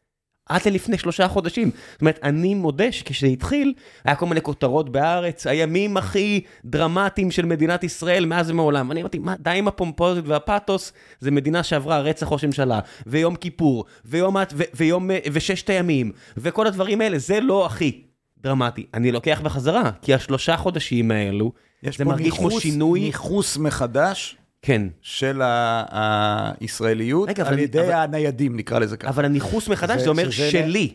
נכון. אבל אני אומר, תסתכל, יש פה עכשיו שני קבוצות, שתי קבוצות, סליחה, שאומרות, או יש בהם שאומרים, זה שלי. זאת אומרת, אני רואה דימויים כמו משפט שלמה עם התינוק. נכון, אתם לא אמיתיים, אנחנו אמיתיים, ואני אומר... ושורפי הסמים, כן, וכל ו- וכל הדיבורים. ואין מקום אפילו לשלנו, זאת אומרת, גם אתם ישראל, גם אני ישראל, זאת אומרת, עצם, ה- אני- עצם העובדה שאנשים אומרים, מה נעשה ביום העצמאות? האם אפשר לשים דגל ישראל? אני אומר, ההורים שלי, שהם ימין מאוד, זאת אומרת, מה שנקרא ביביסטים, אגב, וחזרתי לזה לאחרונה, אה, הוצאתי אותם מהארון לאחרונה פה, אה, אני אני אומר, להם יש עכשיו בעיה להחזיק את הדגל, לא, אני לא חושב שיש להם בעיה. אני אומר לך, אני מדבר איתם, כן. כי כי הדגל זה עכשיו הפך להיות מזוהה... צוות של המחאה? כן, כי הם לא רוצים עכשיו להיות זה אה, מזוהים עם. זה. אה, זה בסדר, הרבה דברים עצובים פה בסיפור הזה, נכון. אבל האקט של הניכוס, זאת אומרת, מה שלקח במשך הרבה מאוד שנים, זאת אומרת, הציונות הייתה בתחילת הדרך מאוד חילונית יחסית, בטח עם סממנים דתיים, כי עדיין הם הגיעו מהעולם שאתה מתאר, אבל הייתה חילונית. אז זה היה ניכוס של הלאומיות לחילון, ואז החל מ-67' הרגיש כאילו הייתה תנועה אל הכיוון לא, השני, אבל- אבל ועכשיו אני- נורא מהר אני רוצה לכיוון זה. לדייק פה משהו במ- במה שאמרת, כי זה זה הזדמנות לתקן באמת, לתקן... אה, אני לא מפריע, אני אומר, תדבר, כן. אוקיי, אני אומר, אה, זו הזדמנות לתקן, אני חושב, טעות היסטורית שיש הרבה פעמים. אה, טעות שמטפחים אותה גם החילונים וגם החרדים. להציג את הציונות כסוכן של חילון. התהליך החילון היה, היה קיים והיה חזק מאוד, בלי שום קשר לציונות. מי שבחר בכל זאת להגיד, היהדות מאוד משמעותית לי, זה אנשים שבחרו בציונות. כי אחרת, בוא נהיה פולנים, בוא נהיה גרמנים. היה קשה פה, בילו הגיעו, ותוך שבועיים התקפלו, או חודשיים. היה קשה פה. לא, אבל עזוב, עזוב, אני לא מדבר אפילו על ארץ ישראל, אני אומר, כן. להיות ציוני, דהיינו לשאת דגל שאומר, הלאום שלי הוא יהודי, הלאום שלי איננו צ'כוסלובקי או פולני, הוא יהודי. אני מיעוט לאומי, אני מחכה לה, לה, להגשים בארץ אבותיי, אה, נוח לי פה, אני לא הולך לשם, לא משנה, זה כבר דיון אחר, זה הלעג של עגנון על, על, על אספות ציוניות שבהם אף אחד לא עולה לארץ, בסדר. אבל עדיין, מבחינה הגותית, מבחינה זהותית, יש פה אמירה מאוד משמעותית. בסוף, הציונות היא בחירה של יהודים להיות יהודים, קודם כל. להיות יהודים, והשפה הלאומית היא השפה של הזמן. פשוט בעולם שמתחיל להתחלק ללאומים, אז אני אומר, היי, אני בלאום היהודי. לפני זה היה עולם שהתחלק לדתות, אז אני בדת היהודית, אבל זה, זה אותו דבר, זה לא... ו, אתה מבין? אז, התבדלות או השתייכות לאחר. אז, אז כאשר ה... טוב, בוא נמשיך. אוקיי. לא, זה- זה מעניין, לא, לא, לא, תמשיך. אני אתה אומר, איבד- איבדתי רגע את החוט מחשבה. ואפילו לא קטעתי אותך. נכון. אפילו אי אפשר נכון, להאשים אותי לא- פה. לא, לא, אתה לא אשם. לא, אז, אז אני מסתכל, רציתי לשאול אותך, משהו נוסף שהצטרף פה בחמישים שנה האחרונות לדיון המעניין וההיסטורי הזה של מאות ואלף שנה, אפילו אה. אוקיי, אוקיי, הנה, אני רוצה אוקיי, להגיד. נזכר- נזכרתי אוקיי. מה רציתי להגיד. אז אני אחזור לשאלה שלי. עכשיו, החתם סופר, מבין, מצד אחד, הוא הופך להיות, מזוהה איתו אמירה חדש אסור מהתורה, שזה איזה מין אה, סיסמה שהיא אה, היא פרפרזה על משפט הלכתי לא נכון, אבל לא משנה, זה, זה, זה, זה קריאת קרב, זה כמו הדמוקרטיה של המפגינים, זה לא צריך להיות נכון בשביל, בשביל לתפוס, כן? אז הוא, החד... הוא כאילו המתנגד הגדול לכל החידושים, הוא הופך להיות כאילו מבצר השמרנות, זה החדש אסור מן התורה, זה צד אחד של החתם סופר. צד שני, שמאוד בולט בכל מיני היבטים של החתם סופר ושל תלמידיו, זה שחלק מההתעקשות שלו היא על זה שהזהות היהודית היא סוג של זהות לאומית. המושג הזה עוד לא כל כך, זה קצת אנחנו, אי אפשר להגיד עליו ציוני, כי עוד לא הייתה בדיוק ציונות, אבל הוא בהחלט, הוא אחד היחידים שאומר בכל הזדמנות, שמעו, אנחנו פה, אנחנו פה באופן זמני. מה זה פה? פה, פה בגלות. אוקיי, אנחנו פה באירופה באופן פה זמני. לא בישראל. כן, הוא אומר, כאשר, כאשר אה, מבקשים ממנו הקהילה לתת נאום תודה על, האמנציפ... על שוויון הזכויות שההונגרים נותנים עכשיו ליהודים, עומדים לתת ליהודים, והיה איזה כינוס של הפרלמנט שם בפרשבורג, הייתה סוג של מושב הפרלמנט ההונגרי בתקופה מסוימת, אז הוא נותן דרשה, ובה הוא אומר, תשמעו, אה, הוא נותן משל, משל אה, מאוד חזק כזה, הוא מדבר על מלך, תמיד המשלים יש איזה מלך. המלך שגירש את הבן שלו כי הוא כעס עליו וזרק אותו לאיזה אי בודד, לאיזה אי מאפן כזה בקצה הממלכה, או במקום אחר, והוא שם חי כמו דלפון ומן היד אל הפה וכולי, וכל מנעמי הארמון כמובן אין לו, והוא גם סתם הומלס כזה שם. ויום אחד מגיעה אונייה גדולה, עם משרתים, עם חומרי בנייה, עם זה, כדי לבנות לו ארמון באי. כדי שיחיה כמו שצריך, כמו נסיך. והנסיך הזה ברגע הראשון הוא מודה. שמח, אומר, או, oh, עכשיו אני אחיה כמו בן אדם. ואז הוא בוכה, יוצא בבכי תמרורים ואומר, אבא לא מתכונן להחזיר אותי. אני פה תקוע עכשיו לנצח. מה זה אומר הדבר הזה? אז הוא אומר, זה מאוד יפה שאתם נותנים לנו אמנציפציה, We're not from here, אנחנו לא רוצים. כלומר, כן, למה, למה שלא נחיה בתנאים נורמליים? זה בסדר, אנחנו בעד, אנחנו לא מתנגדים לזה, אנחנו לא רוצים שיהיה לנו רע. אבל אנחנו לא יכולים לשמוח בזה, כי אתם, כי, כי זה כאילו להגיד שסבבה לנו, שזה בסדר לנו הגלות. עכשיו, זה לבוא ולהגיד את זה ב... אה, אה, ב בתחילת המאה ה-19, כשכל האווירה הזאת של האמנציפ... או סוף סוף מתייחסים ליהודים כבני אדם וכולי, אה, זו אמירה שהיא מאוד לאומית נקרא לה ככה, היא מאוד עם תודעה היסטורית מאוד חריפה, ואומרת, אה, חבר'ה חבר'ה, אל תשכחו מה הסיפור הגדול פה, כן? רגע, אבל לא היה, תקן אותי, אני פשוט, שוב, אני מדבר עם בורות, כן? לא היה עניין כזה שיש איסור על... הגעה לארץ ישראל עבור רבים עד לגאולה? זאת אומרת, לא היה עניין דתי של לא. אי אפשר להקים בית לאומי בישראל? לא. זה המצאה? זה, זה פיקציה? זה, זה אה, כלי תעמולה של מתנגדי הציונות שהתנגדו לה בגלל חילון ולא בגלל זה. אז מאיפה זה הגיע? לא, יש איזה משפט כזה בגמרא, יש אלף משפטים הפוכים. זה, זה, זה לגמרי סיפור תעמולתי, זה לא... אה, ובוא נאמר, אני, אני גם נכון, עקבתי, במחקר יש... שלי למשל עקבתי אחרי ההתנגדויות הראשונות בתוך הרבנים ההונגרים, שנחשבים המתנגדים הכי חריפים לציונות, ברובם, כן? אז בהתחלה כל ההתנגדות הייתה קשורה לחלוטין לשאלה מי האנשים האלה והאם המטרה שלהם לחלן אותנו. והדיון על האם אפשר, האם זה משיח או לא משיח, והאם זה בסדר לעשות פעולה באופן עצמאי, שולי לחלוטין, והוא לא, הוא, הוא, הוא לא טיעון בכלל. אז איך היום לא יש לך, בכלל. היום יש 200 אלף בני חסידות סאטמר ותולדות אהרון, וכל מיני חסידויות כאלה שהם אנטי-ציונים. זאת אומרת, ונטורי קרתא, זאת אומרת, זה לא קבוצה, זה לא ארבעה אנשים, זה עשרות אלפי... זה חמישה. ומה... לא, אל לא, תגזים. בתוך עולם, מה לקחת? לקחת עכשיו את סאטמר ונטורי קרתא. ותולדות אהרון, כן. בסדר, זה... זה, זה... עדיין עשרות אלפי אנשים, או 200 או 150 אלף אנשים, לא רוצה זה, לספור אותם, אסור לספור יהודים, אני יודע. עמדה שולית ביותר בתוך העולם יש, התורני, בתוך העולם הדתי, לא, לא, עמדה מאוד מאוד שולית, מאוד זה, קיצונית. אבל העמדה הזו היא מתבססת על אותם פסוקים מהגמרא? העמדה, כן, העמדה הזאת מפותחת על ידי רבי יויליש מסאטמר, אחרי השואה בכלל. אה, אה, כשהוא רואה שכשכולם, שכל הרבס שהיו איתו מתנגדים לציונות הופכים להיות ציונים דה פקטו, וזה מה שקורה. כן, אז כולם התנגדו ורק הם uh, החליטו. לא, אז אני אומר, הם, הם נשארו לבד. זאת אומרת, הוא נשאר לבד בגלל שבפועל כולם הצטרפו לסיפור הציוני. אגב, זה אפשר uh, להתנגד לגינונים uh, uh, ממלכתיים. ממלכתיים כאלה ואחרים, ולא לאהוב את הדגל או לא לאהוב את ההמנון וכל מיני דברים כאלה. עדיין, הסיפור הזה שהעם היהודי חוזר לארצו ומקים בו מדינה ריבונית, וזה טוב, הוא לא, הוא לא באמת במחלוקת. ה, לא סתם היום העולם החרדי הוא כאילו חלק מגוש הימין, דהיינו הלאומי. גם אם הם לא שר, אז הוא סגן שר, הוא עדיין בממשלה. לא, לא, לא משנה, והוא גם בעד עמדת תקיפה מול הערבים, והוא בעד אה, שיהיו, שיהיה הרבה עלייה, וכל כל מיני דברים ציוניים לג, לחלוטין, כן? אז רק תן לי לשאול אותך על, על העניין הזה בדיוק, על, על העניין של הימין.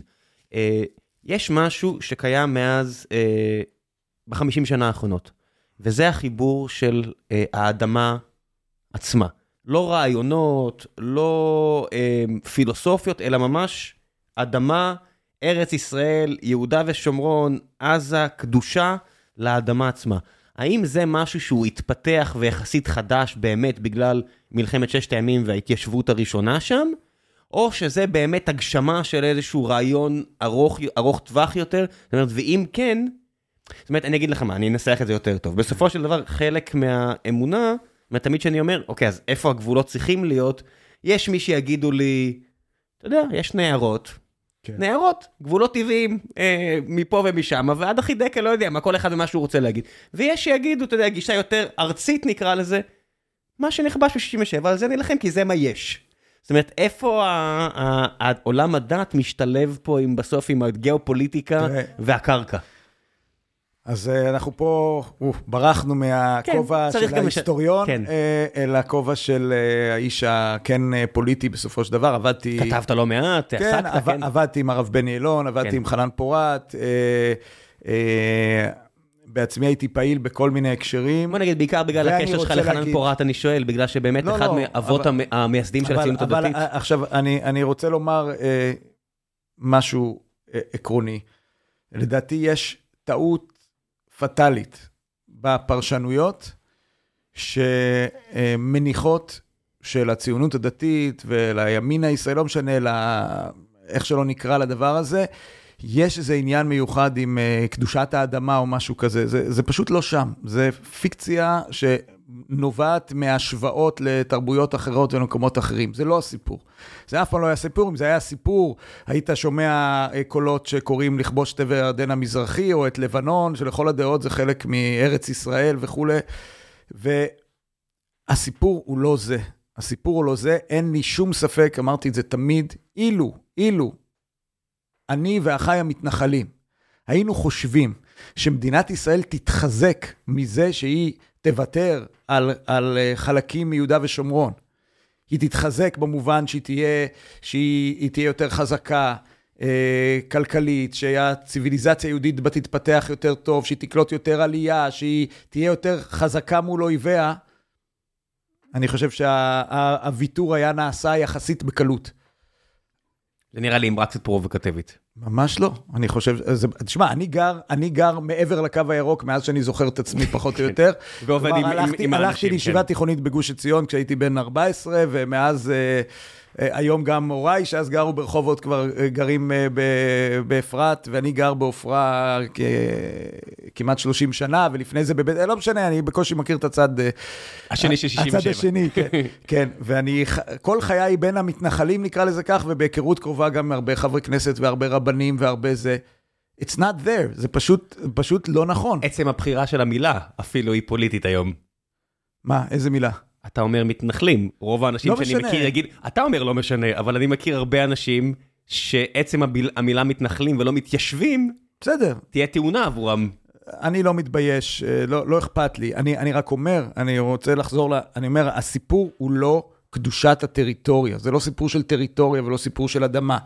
זה סיפור של אה, ישראל, זה סיפור של התנועה הלאומית היהודית, דהיינו הציונות, מול התנועה הלאומית הפלסטינית. זה מאזן כוחות, זה, זה מי, ה, מי הגורם ה...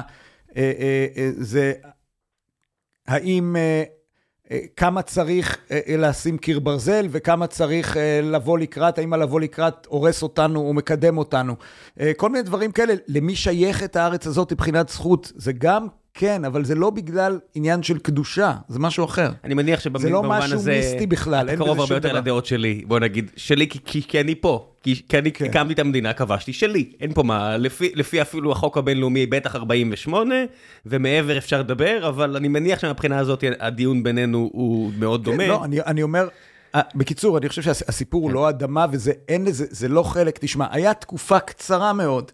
זה פשוט מדהים איך כל החוקרי, אה, חוקרי אה, מדעי המדינה ופוליטיקה, אה, פשוט שואבים את כל התזות שלהם מאיזה שש שנים או משהו כזה. של גוש אמונים? של, ב, ב, ב, בשנות ה-80, כשגוש אמונים היה בשיאו, שחלק מהרטוריקה שלו, היה שם אגב הרבה דיבורים על רנסאנס של, אה, של אה, גם לפתוח את התורה להתחדשות. היו שם הרבה דברים... רגע, ח- חנן זיכרונו לברכה לא דיבר כך? אני אומר, שנייה. אה, לא, אנחנו מדברים עליו, כן? אני אומר, גם עליו, זה לא משנה, זה הרבה אנשים. חנן פורת הוא, סמל, אבל אה, זה חבורה גדולה של רבנים ושל, ושל אה, אה, פעילים, פעילים פוליטיים והתיישבותיים וכולי וכולי. היה תקופה מסוימת, כלומר, בוא נאמר ככה, חלק מהמוטיבציה שדחפה אנשים, ארץ אבותינו, בוא נתנחל, וכמימוש של שיבת ציון, בדיוק אגב, כמו הרטוריקה שליוותה את, אה, את מתיישבי דגניה ונהלל וכולי וכולי. הם באו לכבוש את הכיבוש השמירה, כיבוש האדמה, כיבוש, כיבוש, כיבוש. חומה ומגדל. כן, אז, אז זה חלק, אנחנו ממשיכים את המפעל הציוני. בסופו של דבר, כאשר אתה בא, עכשיו השאלה, מהם הגבולות האידיאליים? אז אם תשאל מישהו שמה שמניע אותו זה איזו תפיסה אה, כאילו מקראית או משהו כזה, ידבר איתך על הפרת והחידקל, או ידבר איתך על, על לבנון, והיו קולות בודדים כאלה. הרב ישראל אריאל, למשל, אה, כשכבשו את לבנון, אמר שאסור לסגת משם כי זה ארץ ישראל. זה קול אזוטרי לגמרי, בתוך, ה, בתוך העולם הימני-מתנחלי, אף, לא, אף אחד לא דיבר ככה. למה? לא כי לא חשבו שזה ארץ ישראל, חשבו שזה לא רלוונטי. לא אנחנו לא, לא מחפשים לכבוש. עכשיו שטח שאנחנו לא יכולים ליישב, ושיש בו הרבה אנשים אחרים סתם, ו... הסיפור של יהודה ושומרון הוא, הוא כאילו, השאלה היא למה לסגת, היא שאלה ביטחונית, אסטרטגית, אה, אה, ואתה יכול לדבר גם על, גם על היסטוריה ועל, ו, ולב הארץ וכל מיני דברים סמליים, אבל זה לא אה, כאילו מי שימני דתי, אז הוא חושב שהאדמה יותר חשובה מהאדם, או כל מיני קשקושים כאלה, שזה פשוט שיח משמיץ, אין, אין, אין בו אמת. יפה, זה זה טוב גם שאתה מפרש, זה מן הסתם, אתה לא מבטא את כולם, אתה מבטא, אתה אומר בסוף זרמים אה, רעיונים אידיאולוגיים, ומהבחינה הזו, בגלל שהדיון הוא הרבה יותר רציונלי ושכלתני מאשר אמוני, שהרבה יותר קשה להתקיים בו, אני רוצה לקחת אותך לדבר הבא שהוא הכי אה, רלוונטי היום, ותתפלא, זה לא... לא הרפורמה המשפטית. נכון. אה, זה קשור, אבל זה לא. אוקיי. זה חווארה. חווארה, מקום שפעם אחרונה שדרכתי בו, אני חושב הייתה 2004, 2005, אה, ומאז לא הייתי, אני מניח שמלבד הרבה חנויות יפות, לא הרבה השתנה שם. ואני מסתכל ואני אומר בצורה הכי רציונלית. זאת אומרת, דברים היו שקטים כשהיה אה, חרב כלכלית ענפה מעל ראשם, מי שזורק אבן, אין, אין מסחר, אין נכון. כסף. ענישה קולקטיבית. דברים התפרעו. הופסקה, הופסקה. הופסקה אה, גם בגלל בג"ץ. זאת אומרת, נכון. בג"ץ לא פסק, אל תחפשו פסיקה של בג"ץ, בסדר. אבל האיום בפני פסיקה, כי נכון.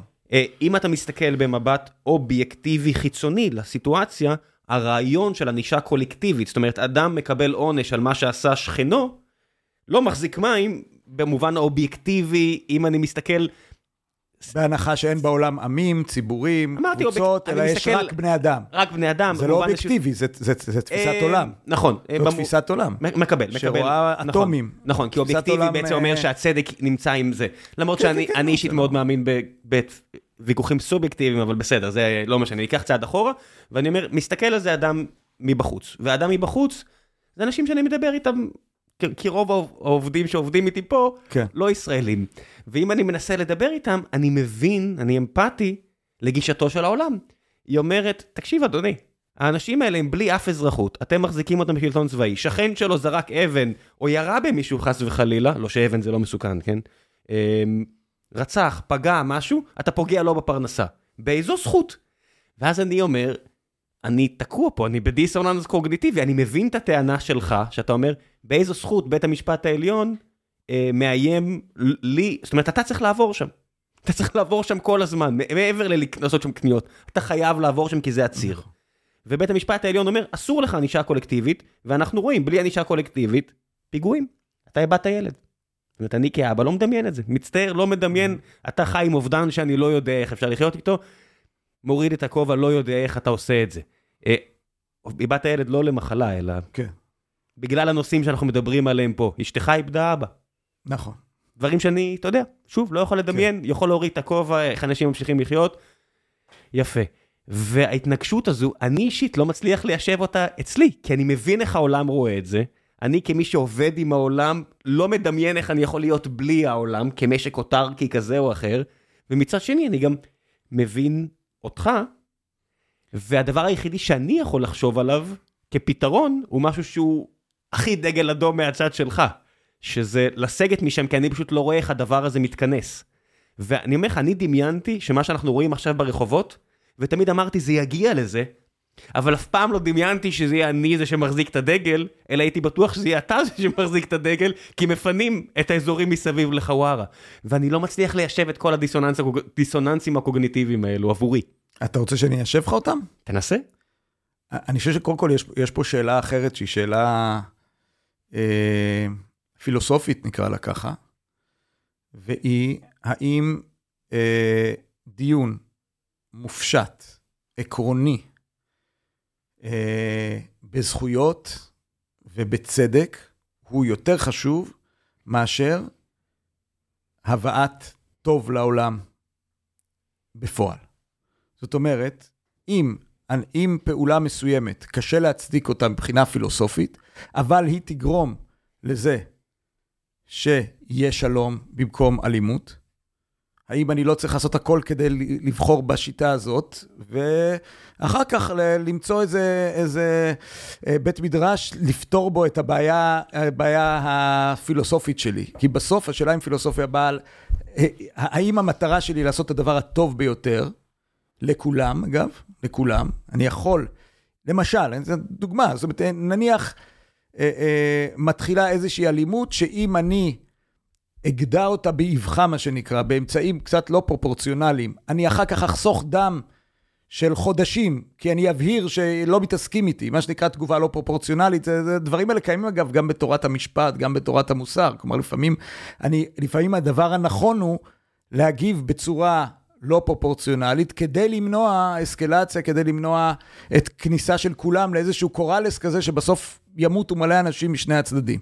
ודאי שמעשה המוסרי הוא לעשות את הדבר הלא מוסרי, אם הוא מביא בסופו של דבר ליותר טוב. אני, אני לא יודע מה זה הוודאי, אני, אני יודע שהבעיה קיימת, זה מי, אה, לא יודע מה, מי הטרולי question, ואז אתה יודע, האם, נכון, האם להציל נכון, אדם נכון. אחד או ארבעה, אני צריך להתערב אישית. זאת אומרת, זה בעיות פילוסופיות שאני פשוט לא חזק בפילוסופיה, אבל אני יודע שאין עליהן יישוב. אני גם לא חזק. אני, כן, גם, אני, אני לא גם לא חזק, כן, אבל כן, אני אומר, כן. בסוף השאלה, אה, אה, בסוף אם אתה ריבון ואתה צריך... להחליט איך להתנהל במקום מסוים. ואתה יודע, אגב, קודם כל, הדה-לגיטימציה של ענישה קולקטיבית שנויה במחלוקת.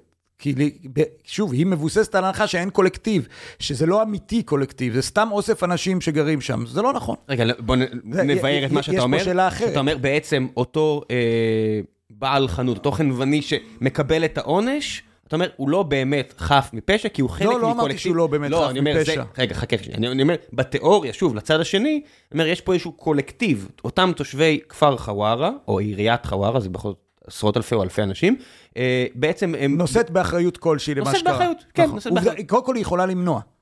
כלומר, קודם כל כשהיא מפרסמת הודעת שמחה אחרי הפיגוע, אני מבין שהיא כן רואה את זה כמשהו שקשור אליה. היא כן מעודדת. זאת אומרת, בוודאי, היא לא מעודדת, היא גאה בזה. כן, לא נכון, משהו תיאורטי. ובכלל, קולקטיבים כן. עושים דברים. זאת אומרת, אה, אה, הסמלים שלנו, הקולקטיבים, הם מעצבים דברים. אם אנחנו מחנכים את... אה, את ילדינו, שקיומה של מדינת ישראל מאוד חשוב, אנחנו בעקבות החינוך הזה, הם אחר כך הולכים ואולי מפציצים בעזה. כן. נכון? זה קשור... אז אני רואה את זה. האם כן. החברה הישראלית לא... האם הטייס אחראי, או החברה הישראלית אחראית? ודאי שהחברה הישראלית אחראית. הטייס עוד מילא, אני אומר, אה, בסופו של דבר, אחרי אותו פיגוע אה, מזעזע שאתה מתייחס אליו, שהם הביעו כן. שני אה, חבר'ה. כן. בקושי בני 20, משהו כזה. אה, מתים כי מישהו מחליט לראות בהם רק כי הם יהודים, או רק כי הם יהודים בשט, בשטח כזה או אחר, אני לא אפשט את זה יותר מדי ככה, אבל אה, לאחר מכן, אחרי הודעות השמחה, אחרי הכל, צה"ל מאבד שליטה על האזור, ומגיעים אה, פורעים יהודים ושורפים עסקים, ואני mm-hmm. יושב בבית, וההרגשה האישית הרעה שלי, קרן, היא בגלל שאני חש חלק מקולקטיב. נכון. הרי אני לא יכול להגיד שכל אדם הוא לעצמו, כי אני אישית מרגיש את הבושה. אני כן. אישית מרגיש, אותו ערב, היה לי ממש קשה. זאת אומרת, היה לי רע, כי גם פיגוע, זאת אומרת, כן. גם יש שני אנשים שמתים מהצד שלי, אני עושה פה סקל במרכאות, וגם מהצד שלי, שוב במרכאות, עושים דברים שהם קו אדום כל כך מוסרית עבורי, זאת אומרת, בלי חוק, בלי משפט, בלי מדינה, סתם אנשים מרגישים בוא נשרוף, יהיה בסדר. אוקיי. שוב, המחיה פה, שוב, אני אומר, אם, אם הבן אדם בחווארה גם אחראי על שכנו נכון. שירה, אז גם אני אחראי לא, על מי שיעשה את מה שיעשה, אתה מבין? אני חוזר לדיסוננס שלך, כן. בסך הכל מה שרציתי לומר הוא, שההנחה שאין, שענישה קולקטיבית היא פסולה בהגדרה, ושאין, היא, היא בנויה על הנחה שקולקטיב הוא חסר משמעות, זו הנחה מאוד מאוד בעייתית מבחינה פילוסופית, וזה חוץ.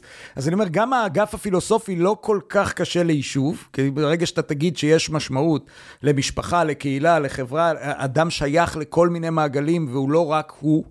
אז אתה תבין שיכול להיות הצדקה לענישה קולקטיבית, וגם אם לא, אם זה מה שיביא, יציל חיים, אגב, משני הצדדים, אז ודאי שזה הדבר שנכון לעשות. אבל אתה מבין שמה שאתה אומר עכשיו, זה הרציונל של BDS. זאת אומרת ש, שהחבר הדני שלי יגיד לי, אני לא מחרים אתכם, אני מחרים, אם אתה, אתה יודע, אם השמן שאתה מייצר הוא מעבר לקו, אז אני לא אקנה אותו, אני אקנה את השמן מ-67. אני אומר לו, אוקיי, בסדר, אני מבין. הוא אומר, אני לא רוצה להחרים את כולכם, כי לא. אבל מה שאתה אמרת עכשיו, זה בדיוק הרציונל של BDS. בוא נחרים אותם כמו את דרום אפריקה, כדי שיהיה להם יותר טוב. עזוב את זה שדרום אפריקה היום זה המקום הכי מזעזע על פני כדור הארץ, הם תכף במצב שהם פושטים את הרגל ואי אפשר לחיות שם, אבל בסדר. אני לא יודע... אה, אבל אתה מבין מה אני אומר אתה מניח שאני נגד BDS. אני לא, אני לא מניח עליך כלום, אני אומר, הטיעון, לא, ש... אני, הטיעון שהעלית הוא... אני חושב... אני, אני חושב, נגד BDS, אבל... בסדר, אבל אני לא נגד BDS בגלל שזו ענישה קולקטיבית. אני גאה להיות ישראלי, ואני גאה לשאת באחריות למה שישראל עושה. וזה, ואם ישראל הייתה מפלצת, או, או מקום אה, של אפרטהייד אה, נורא ואכזרי, אז הייתי מצטרף ל-BDS. כלומר, אני לא חושב שהבעיה היא עם, ה, עם הפרקטיקה. הבעיה היא לא עם הפרקטיקה. אגב, אם הייתי חושב שהממשלה הולכת לעשות משהו שתהפוך אותנו לדיקטטורה, אני גם הייתי יוצא להפקיד נגדה. אני פשוט חושב שזה, שזה תעמולת שקר. אתה לא זה, חושב שנגיד, שאתה רואה למשל את חוק ה... זה מה שמפריע לי, מפריע לי שאנשים אומרים באופן חסר אחריות.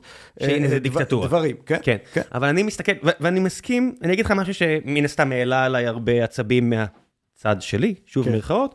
אמרתי, הפרוצדורה עצמה, גם הייתי מספיק כן להגיד בשיחה עם מאיר רובין, שבסיטואציה הפוכה, זאת אומרת, אם רוב הכנסת והממשלה, או כל הכוח של הכנסת והממשלה, נמצאים בצד שלי, הליברלי, לא יודע איך לקרוא לזה, כי המילה הזאת אפילו גם טעונה ומשתמשים כן, בה איך שכל כן. אחד איך שהוא רוצה, בהחלט הייתי רוצה לווסת את כוחו של בית המשפט העליון, מה שהוציא עליי הרבה, כי טוב, אבל בסדר, לא אכפת לי, זו דעתי, אני מספיק כן כדי להגיד אותה.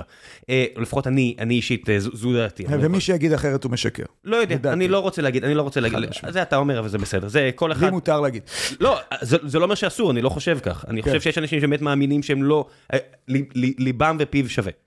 אבל, אני מסביר את זה בכך שאני רואה את חוק המתנות, ואני רואה שורה של חוקים חסרי אחריות וחסרי היגיון שמנסים לקדם הממשלה, ואני אומר, וזה עוד בזמן שיש את המטריה הזו של בג"ץ שהם מפחדים ממנה או חוששים ממנה או לא יודע מה, אני אומר, מה הכיוון? אם אני רואה, אני עושה אקסטרפולציה או רגרסיה ליניארית לכיוון מה יהיה פה, בלי אותה מטריה של בג"ץ, אני, אני שואל שאלה פשוטה, אם בלי בג"ץ מה הם החוקים שאתם רוצים, או הם רוצים לעשות? אתם יכולים בבקשה להגיד לי לאיפה זה ילך? זאת אומרת, אם אתם כל כך מגנים על חוק המתנות, ואתם עומדים על הרגליים, לא אתה, לא אתם, כן? אה, אה, חברי הליכוד. אתם עומדים על הרגליים האחוריות כדי להלבין אדם שחטף מישהו אחר וישב בכלא ארבע פעמים, ואתם מגינים על הזכות שאתם כולכם מסתחבקים איתו בחיבוקים ונישוקים, אני אומר, לאיפה זה הולך? מה זה הולך לקולומביה, לוונצואלה, עזוב אותי אורבן הונגריה. מה שאני רואה מבעד לעיניי, זה, זה פחד אלוהים. זאת אומרת, אני אומר, זה הפחד שלי, אני אומר, אני רואה את הטראג'קטורי ואני לא רואה שאפילו, זאת אומרת, בזמן שיש את החקיקה הזו, גם יש כל כך הרבה דברים אחרים, שעזוב אותי מחוק דרעי. גם נדב אייל ישב פה, אמר, אני אפילו, הוא אומר, שיהיה, שיהיה שר.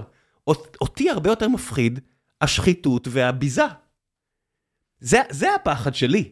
אני מסכים, אני מסכים. אגב, זה פחד גם שלי.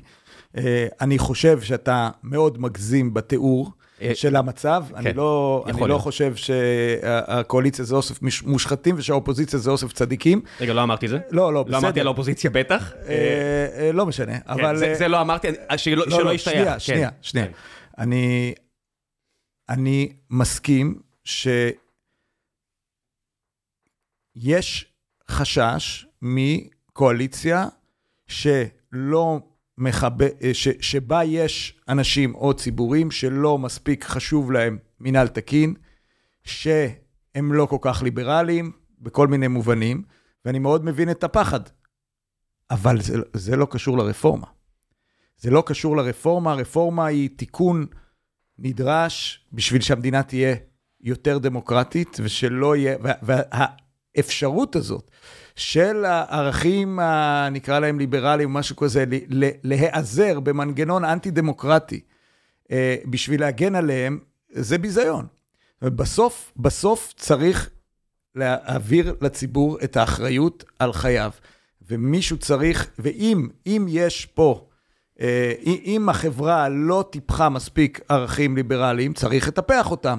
אם היא לא מספיק רגישה לשחיתות, צריך לטפח את הרגישות הזאת. הדרך הקלה זה להגיד, טוב, אז נמצא כמה אנשים שיגידו לכולם, אתם בבונים, אנחנו הציבור הנאור, ואנחנו נחליט בשבילכם. זה איום ונורא. אני, אני, א', אני מסכים. זה איום ונורא, וזה מעודד עוד יותר כן. חוסר אחריות, אגב. אז, אז אני אגיד אגב, שמה שאמרת... אין לי ספק, אין כן. לי ספק שאלמלא, אלמלא הייתה תחושה אה, מבוססת במשך הרבה שנים של יש מי שחושב שהוא יותר נעלה מוסרית על אחרים והוא ינהל פה את הכל, היית מוצא הרבה יותר זהירות בתוך המחנה שכרגע נמצא בקואליציה. אני מסכים, גם אני אירחתי פה את פרופסור מני מאוטנר, שאמר דברים מאוד דומים, והוא כביכול, לא כביכול, הוא נכון, מהצד נכון, השני. זאת אומרת, נכון. הוא אמר את זה, לא נכון. אני, כי אני לא מבין מספיק במערכת המשפט, אני הראשון שיגיד את זה, אבל אני רק רוצה להתייחס למה שאתה אמרת, מעבר ל- לגם אה, קצת אה, הקצנה של המציאות לעניות דעתי, אבל ללב של מה שאמרת, אה, וזה מתייחס בדיוק למה שאתה אמרת לפני כן. כן, אני מבין שעקרון הדמוקרטיה במובן התיאורטי הוא נפלא, כמו שאתה מבין שענישה קולקטיבית אולי היא לא טובה, אבל אם זה יעזור, אה, אם אני נגד זה, וזה יעזור ב...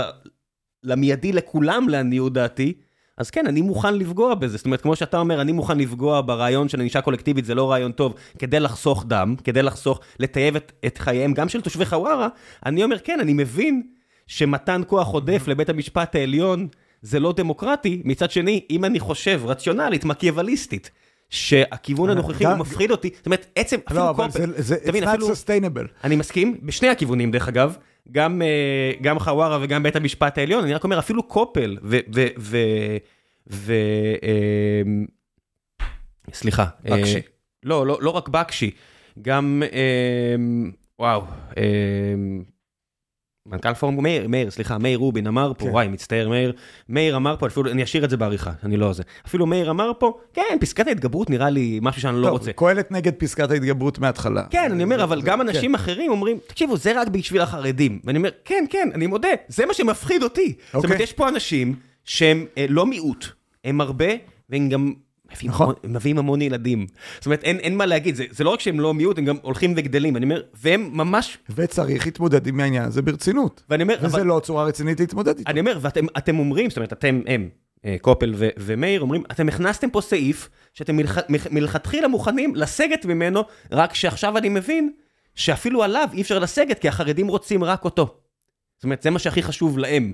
ואני אומר, יש פה מישמש שאני לא יודע איך אפשר לפתור אותו.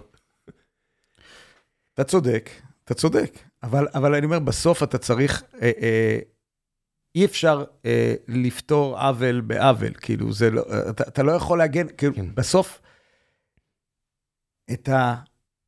אה, השאלה איך הציבור החרדי הופך לציבור יותר יצרני, יותר נושא בנטל, והוא השאלה שצריכה להדיר שינה מעיניהם של אנשים, וכרגע די מפריעים לו לעבור את התהליכים האלה.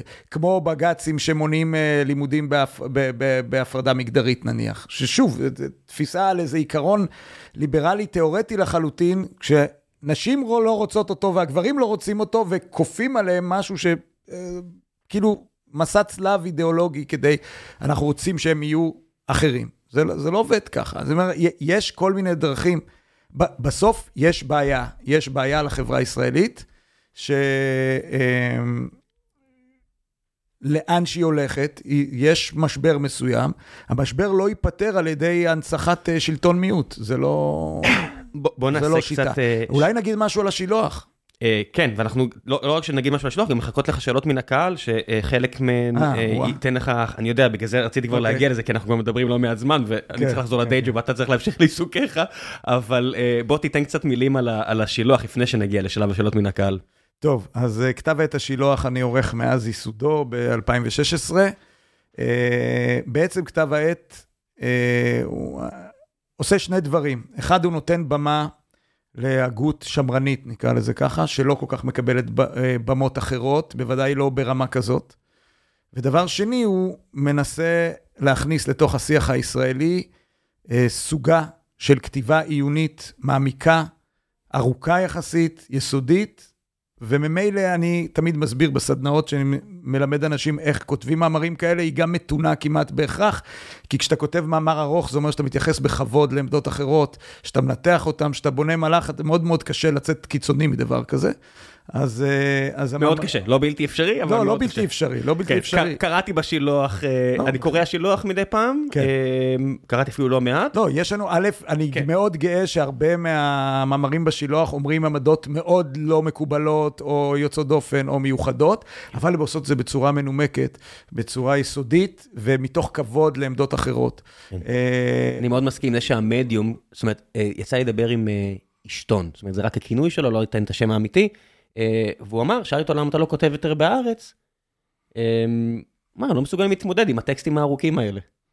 כן. שזה, שזה מאוד חבל לי שהגענו למצב שאפילו העיתון שאני מנוי אליו, בגלל שאני מחפש לקרוא משהו טיפה יותר אה, מעמיק מאשר ציוצים, טוב, זה תהליכים ויתר. שעברו על התקשורת באופן כללי. היה לנו אבל- אבל תקשורת זה- מפלגתית עד שנות ה-70 או משהו כזה, כן, שבה הוא- היו מאמרים ארחניים שאף אחד לא קרא, באיזשהו שלב הפסיקו עם זה. כן. אבל אה, על, על ניואנסים בין אה, טרוצקיזם ל... לא יודע, אה, ב, ב, בדבר, והצופה, ועל המשמר, וכל כן, החבר'ה מי האלה. שרוצה שז'בוטינסקי פגש את טרוצקי, מאוד מומלץ, ת, ת, ת, תקראו ספר שלם רק על העניין הזה. אז אנחנו מ- משתדלים, בקיצור, לעסוק בשורה של נושאים, זה ביטחון, אסטרטגיה, כלכלה, חברה, תרבות. אה, כשהמאמרים אצלנו, גם מאמרי מדיניות, לפעמים שקוראים לשינוי מדיניות או, או לטיוב משהו, וגם מאמרי הגות, אה, אבל שאיכשהו נוגעים לרוב במדיניות, לא יותר מדי אה, בשמיים. כן, אני, אני אגיד שהבעיה... ואנחנו כן. עכשיו יוצאים ארבע פעמים בשנה, אה, ורוב הקוראים שלנו, קשה להגיד רוב, כי הרבה אנשים קוראים באינטרנט את המאמרים, הכל בסוף עולה לאינטרנט, אבל לי עדיין יש. ערך מיוחד ל- לגיליון פרינט, שגם אה, מגיע כחבילה אחת, יש גם היבטים ספרותיים, לא מעט, אנחנו עושים הרבה ביקורות ספרים, וקצת מאמרים היסטוריים, ובקיצור, זה הרבה יותר, לא יודע, לפחות לי, זה הרבה יותר קל לקרוא טקסט ארוך, כשהוא מודפס. או מודפס או על uh, מסך גדול יותר. זאת אומרת, כן. uh, בטלפון נורא קשה לי לקרוא טקסט ארוך. Uh, הוא בנוי ככה, יש אנשים שקוראים טקסטים ארוכים בטלפון? אני בטוח שיש הכל. מתוך אוקיי, 8 מיליארד אוקיי. אנשים יש הכל. אוקיי. כמה מהם זה כבר שאלה אחרת, יש אבל הכל. לי אישית, הרבה יותר קשה. כן. זאת אומרת, אני, הד- היתרון היחידי שיש לי במסך אה, במובייל, זה העובדה שאם אני רוצה פתאום לקחת צילום מסך ולקחת איזושהי פסקה ולשמור אותה או לשלוח למישהו, אה, זה הרבה יותר קל מאשר טקסט שאני צריך לצלם אותו ואז אני עושה את זה. אה, בסוף שבוע אפילו אגב, מצאתי את עצמי קורא אחד, עם אשתי. אחד, אה, הדברים, אחד הדברים שאנחנו מקפידים לעשות באתר, כל מאמר שעולה לאתר הוא עולה כמובן בפורמט וובי, אבל יש שם קישור להוריד PDF. ואתה יכול, אה, כשאתה רוצה לשתף חבר, אתה יכול לשלוח כן. לו פשוט PDF. אני, אני אגיד שלי אישית, אה, זאת אומרת, דיסוננס קוגניטיבי זה לא כיף. זו תחושה מעיקה ומעייפת.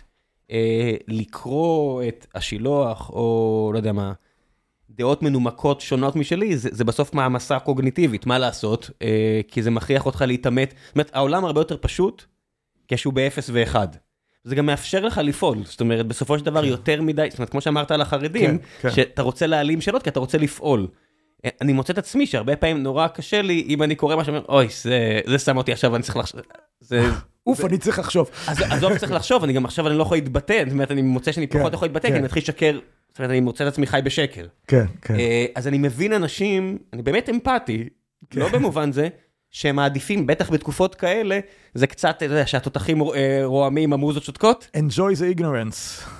אה, מעבר לאנג'וי, זה פשוט מאפשר להם יותר לפעול. זאת אומרת, אם כן. יש דבר שאני, אני מסתכל עכשיו בשלושה חודשים האחרונים, פאתוס זה דבר שעובד, הוא מלכד אנשים. שוב, אני מחזיר לעובדה שיש מאות אלפי אנשים, דגל ישראל בתל אביב, גם גלימות אדומות מפעיל אנשים. זה זה, זה, זה, זה רעיונות מרגשים, זאת אומרת בסופו של דבר אתה מסתכל על הנאום של צ'רצ'יל, שיובל דיסקין נסע לו כזה פרפרזה באיזה טור בידיעות אחרונות, אה, ואתה מסתכל, אם הייתי נחשף לנאום הזה של צ'רצ'יל, אתה אומר, אוי, נו מה זה הפאתוס הזה, אבל בגלל שאתה יודע את הערך ההיסטורי שלו ואני יכול לשמוע אותו באיזה סרט, אני, אני כמעט אבכה בכל פעם מחדש, כי אתה מבין גם את החיבור, אתה, אני פתאום יכול לדמיין את הטייס הבריטי הזה ש, שמגן באמת על, על האי הקטן שלו, רגש עובד.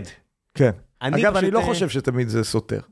ברור שלא תמיד זה סותר. לא, אני אומר, ל- אתה יכול לראיה- להיות מאוד אה, מתוחכם ומודע לניואנסים, ועדיין מאוד עם פתוס כשצריך. כשנכנסת. איזה ספר עכשיו ראית אצלי במשרד שאני קורא כשיש לי שעות מתות על, על לינקולן, שבדיוק הביוגרפיה של לינקולן, עכשיו של הוצאת סלע מאיר, שהוא בדיוק השילוב הזה בין ראיונות מעניינים טובים. אתה יודע, האבות המייסדים האמריקאים, כן. הפדרליסט והכל, ידעו בדיוק את החיבור הזה בין, בין האינטלקט לרגש, משהו שכמעט ואין היום. היום זה כמעט הבחירה בין אינטלקט לרגש. כמעט ואני לא מוצא את, ה... את השילובים האלה. זה או שאתה הולך פול בלון פאתוס, או, או שאתה יושב וחושב, ואז אתה לא מוציא שום אמרה שמתאימה ליותר מאלף אנשים, אבל uh, זה מה יש. בוא נעשה קצת שאלות מן הקהל, כי השאירו לך פה okay. הרבה, אוקיי. הרבה אנשים מאוד שמחו שאתה בא, אני אגיד לך טוב. כך, uh, ו- וחיכו לפרק הזה. Uh, שאלה ש... ש... שהיא כל כך רחוקה ממני, אבל אולי יותר קרובה לעולמך. Uh, אייל שואל, בית מקדש, בעד? אם כן, איפה? וואה. זו שאלה שהיא נוכחת בעולמך? היא נוכחת, אני חושב, בעולמו של כל אדם, בוודאי שהוא שייך למסורת. אה, ומתפלל כן. וכולי, אז אה, בית מקדש, ודאי. ודאי. אה, ודאי, בוודאי. אה, אני חושב שמי שיגיד אחרת, הוא אה, לא יכול להיות כל כך אדם אה, דתי באיזשהו אופן. למה? אי אפשר להגיד שבתי כנסת זה נחמד וזה עובד וזה טוב? אה, לא, אי אפשר. אה, אבל אה, טוב, בואו לא נפתח את זה, כי זה דיון ארוך. אבל אני זה- אומר, בית מקדש זה. משהו שיושב, הוא אוטופי במובן מסוים, ואני חושב שהוא הוא מחכה למצב שבו הוא יוכל להיות מושג בדרכי שלום. אה, ולכן השאלה איפה, אין, אין מקום אחר, אבל המקום האחר הזה צריך, כרגע זה לא, לא על הפרק, בוא נאמר ככה. אה, הרבה פה אנשים שאלו שאלה שהיא נראית לי אה, טריוויאלית, אבל אני, אני אשאל אותה. אה, הרבה. זאת אומרת, שאלו, האם רצח בנך שינה משהו אצלך? אני לא יכול לדמיין תשובה אחרת מלבד כן לשאלה הזו, אבל אני אשאל אותה. מה זה אומר? שינה משהו אצלי במה? אני מניח שהכוונה היא לאידיאולוגיה. מעבר לאבל הכבד, אה, שזה בטוח לכולם, האם משהו השתנה אידיאולוגית אצלך? לא, לא, לא. אוקיי. אני גם לא חושב, אגב, ש... שמי ש... אני תמיד התנגדתי לשימוש במשפחות שכולות כאיזה, אה, הם, הם שילמו את המחיר הזה, הם יודעים משהו יותר מאחרים, או משהו כזה, או יש להם עמדה יותר אה, שצריך להוקיר אותה, או משהו כזה. זה נשמע לי, אף פעם לא נשמע לי נכון, גם כשזה אני. זה לא נכון. כן, לא, אני, אני יכול להבין למה. זאת אומרת, המחיר אני- שאתה שילמת יותר כבד מהמחיר שאני שילמתי, אז... אה, בסדר, אבל... מצד אה, שני, לא יודע מה, אחי שחטף כדור בגב בלבנון ונושא איתו את המזכרת המנטלית הזו, האם הוא לא משלם מחיר תדיר? הוא משלם, אני לא יודע, אתה מבין? נכון. המדרג הזה, אנחנו חיים בתקופה שבה כולם עכשיו צריכים להגיד, אה, שירתי ביחידה מיוחדת, אני משלם מיסים, דעתי כזו וכזו. זאת אומרת, לי זה קצת יצא מכל החורים, אני מבין מאיפה זה מגיע, זה משהו אחר, אני חושב שזה מאוד שונה. שכול זה משהו שקורה לך. זה גם לא- נקודות, אתה מבין? בחשבונייה הזו שכולם כן, מריצים עכשיו, כן, כן. זה גם נקודות, אתה מבין? זה ברור, אה, ברור. שכול, שבע נקודות, טייס, חמש נקודות, אה, משלם הרבה מיסים, שש נקודות, מבין? זה נהיה ככה. בסדר, אה, שומע. כן. אה, יניב ואחרים שאלו, מה היה הרעיון מאחורי הורדת הכיפה? האם זה עבד? לא, זה לא עבד. מה היה הרעיון? לא, הרעיון, כפי שאני מסביר גם בספר הברית הישראלית, שנמצא פה מולי, שנמצא מחכה לכם פה בחנות מולך, הספרים. אה, לא כל כך מחכה, אם תתאמצו מאוד, אולי תצליחו למצוא אותו, דברים שיצאו לפני, ב-2015, לא כל כך מחכים בחנויות הספרים, אבל... אה, אני רק רוצה להקריא את התת כותרת, הברית הישראלית על האפשרות וההכרח לכונן יהדות ישראלית כחוליה עכשווית של המסורת והברית. נכון. אז אה, תראה, התפיסה שלי היא, מה זה התפיסה שלי? זה גם תפיסה של רבותיי, אני גדלתי בבית מדרש מסוים. אה, הסיפור של אה, דתיים במרכאות הוא, הוא, הוא, הוא לא סיפור אה, נוח לתפיסה המסורתית. כלומר, בת, היהדות היא ברית של עם עם אלוהיו. היא לא ברית של מגזר, היא לא ברית של סקטור, לא, זו לא כנסייה. ולכן אין, מבחינתי אין משמעות כמעט, כלומר, המחויבות שלי לתורה ולמצוות לא קשורה לזה שאני דתי, קשורה לזה שאני יהודי. ובעיניי, במובן מסוים, הכיפה היא איזושהי אמירה, אה, אנחנו אלה ששומרים, כל האחרים פטורים מהעניין הזה, או זה לא שלהם, ואני חושב שזה מזיק בגדול לסיפור הכללי. האם זה עובד? זה לא עובד, כי בסוף אנחנו מאוד uh, מחולקים, אני, uh, אני, uh, זה לא, זה אקט שטחי וחיצוני, בוא נאמר ככה, אז לכן זה לא, הוא לא עושה הרבה. זה, זה, אתה רואה שאנשים מסתכלים עליך אחרת? זה מושך תשומת לב ביישוב שבו אתה גר? אני לא יודע. נו. לא, אני באמת לא יודע, אני כל כך רגיל לזה כבר, ובוא נאמר ככה, ב... אני, יודע, אני, הולך, אני הולך הרבה לבית כנסת, ואז אני עם כיפה. בשבתות אני עם כיפה, שאז זה יותר זמן שאני נמצא ביישוב, אז זה לא מאוד בול... אני בטוח שיש, אני יודע שבהתחלה, בשנים הראשונות, היו אנשים שזה הציק להם, ואפילו אני... ניסו לשכנע אותי לרדת מהשטות הזאת, אבל... אני חושב שקראתי את ארז תדמור שאמר, ואני מקווה שאני לא מעוות את דבריו, שאמר שלגור כחילוני ביישובים שבה הוא נולד בקריית ארבע, אני חושב, וגר באפרת, אם כן. אני לא טועה, ממש הוא סובל מ... לא יודע אם המילה זה גזענות או אפליה או לא יודע מה, מכך שמסתכלים עליו אחרת, מתנהגים עליו אחרת. אני מקווה שאני לא מעוות את דבריו. Okay. יש, יש בדברים האלו? זאת אומרת, אדם חילוני באפרת או בגוש עציון אה, אבל סובל? אבל אני לא, אני לא אדם אני חילוני, יודע, אני יודע, זה, אני זה יודע, העניין. אני, חושב ש... כן. לכן אני אומר, זה אקט חיצוני ושטחי. זה, זה רק ד, ד, דקלרטיבי. טוב, בוא נעשה אולי שאלה אחרונה, כי אנחנו פה באמת כבר הרבה זמן. זה, זה נושא שחוזר הרבה, אני אתן לך להביע את דעתך ואני אביע את דעתי. נועם אשכול שואל, שיסביר למה לא כדאי עכשיו לחלק את ישראל שבתוך הקו הירוק לשני קנטונים, חילוני, גוש דן נגיד, ודתי.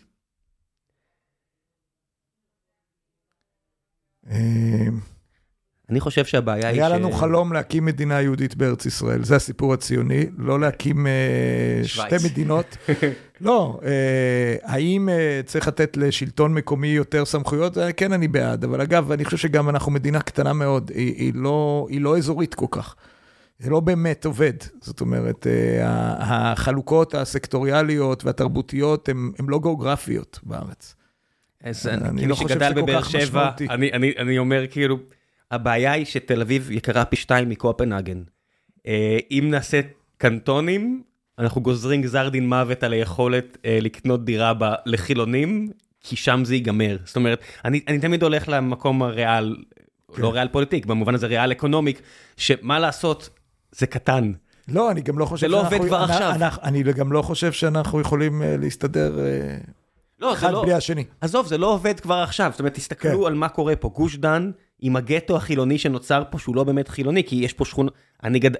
הדירה הראשונה שלי בתל אביב הייתה ברחוב אה, רש"י, והייתי מוקף בארבעה כוללים. בבאר שבע לא הייתי מוקף בארבעה כוללים. יש שם ארבעה בתי כנסת וכוללים מסביב באחד העם ובבר אילן ובכל המקומות האלה, אם תסתכלו שם, וכולם ביחד. זאת אומרת, המחשבה שאפשר לעשות הפרדה, היא לא עובדת, רק תסתכלו, המחיר של מטר רבוע בתל אביב כפול מקופנהגן. מהמדינה שרבים יחשיבו שהיא הכי מוצלחת, דנמרק. תבינו לבד שזה לא מתכנס כלכלית. Mm-hmm. זאת אומרת, אנשים בכל כך מועקה, ואני שותף לה, שמדברים איתי על תיבת נוח 2.0, בוא נעבור למדינה שלקחה כסף מהפקדונות הזרים כמו קפריסין, בוא נלך למדינה שבה עד לאחרונה היה פשיזם ומלחמת אזרחים כמו יוון, בוא נלך ל... מישהו אמר אלבניה. אתם, אתם מבינים שאלבניה זה המדינה עם הכי הרבה בונקרים? ונואטו היה... אני לא יודע, אני מסתכל, אני אומר, מילא, באמת, אם הייתה הצעה על השולחן לעבור לדנמרק, באמת, אבל אין הצעה כזו, הדנים לא רוצים מהגרים, ובטח שלא יהודים וישראלים. אה, אני מסתכל, אני אומר, המועקה הזאת שלחה אנשים למקום שיש בו כל כך מעט אה, מחשבה רגועה, שזה נורא עצוב לי. זאת אומרת, זה... חושב שזה עצוב שמחשבה כזאת עולה בכלל. אמ, אז מילא שהמחשבה עולה, אתה לא יכול להפגין אין לי ארץ אחרת ולחפש ארץ אחרת באותו זמן. אבל זה מה שאנשים עושים. אתה לא- אומר, אתה לא יכול, אבל זה מה שקורה. זה בעיה. זה מה שקורה. זה טרגי, ואני חושב שצריך כן. לעשות חשבון נפש, אה, כי אולי זאת הסיבה שהארץ משנה את פניה, שאנשים אה, מוותרים עליה. אה, גם וגם וגם וגם. ובנימה זו. טוב. תודה רבה רבה על הזמן שהקדשת לי, אני ממש אשמח לארח אותך שוב, כי אני מרגיש שיש עוד הרבה שאתה יכול לספר ואני רוצה לשמוע. כן, לא התחלנו. לא, פשוט כל כך, העובדה שנסעת איזה שעתיים כדי להגיע לכאן, כל כך יושבת עליי שתמיד קשה לי בדברים האלה, אבל בסדר, אני אנסה להטריח אותך שוב. תודה רבה רבה רבה. ביי ביי.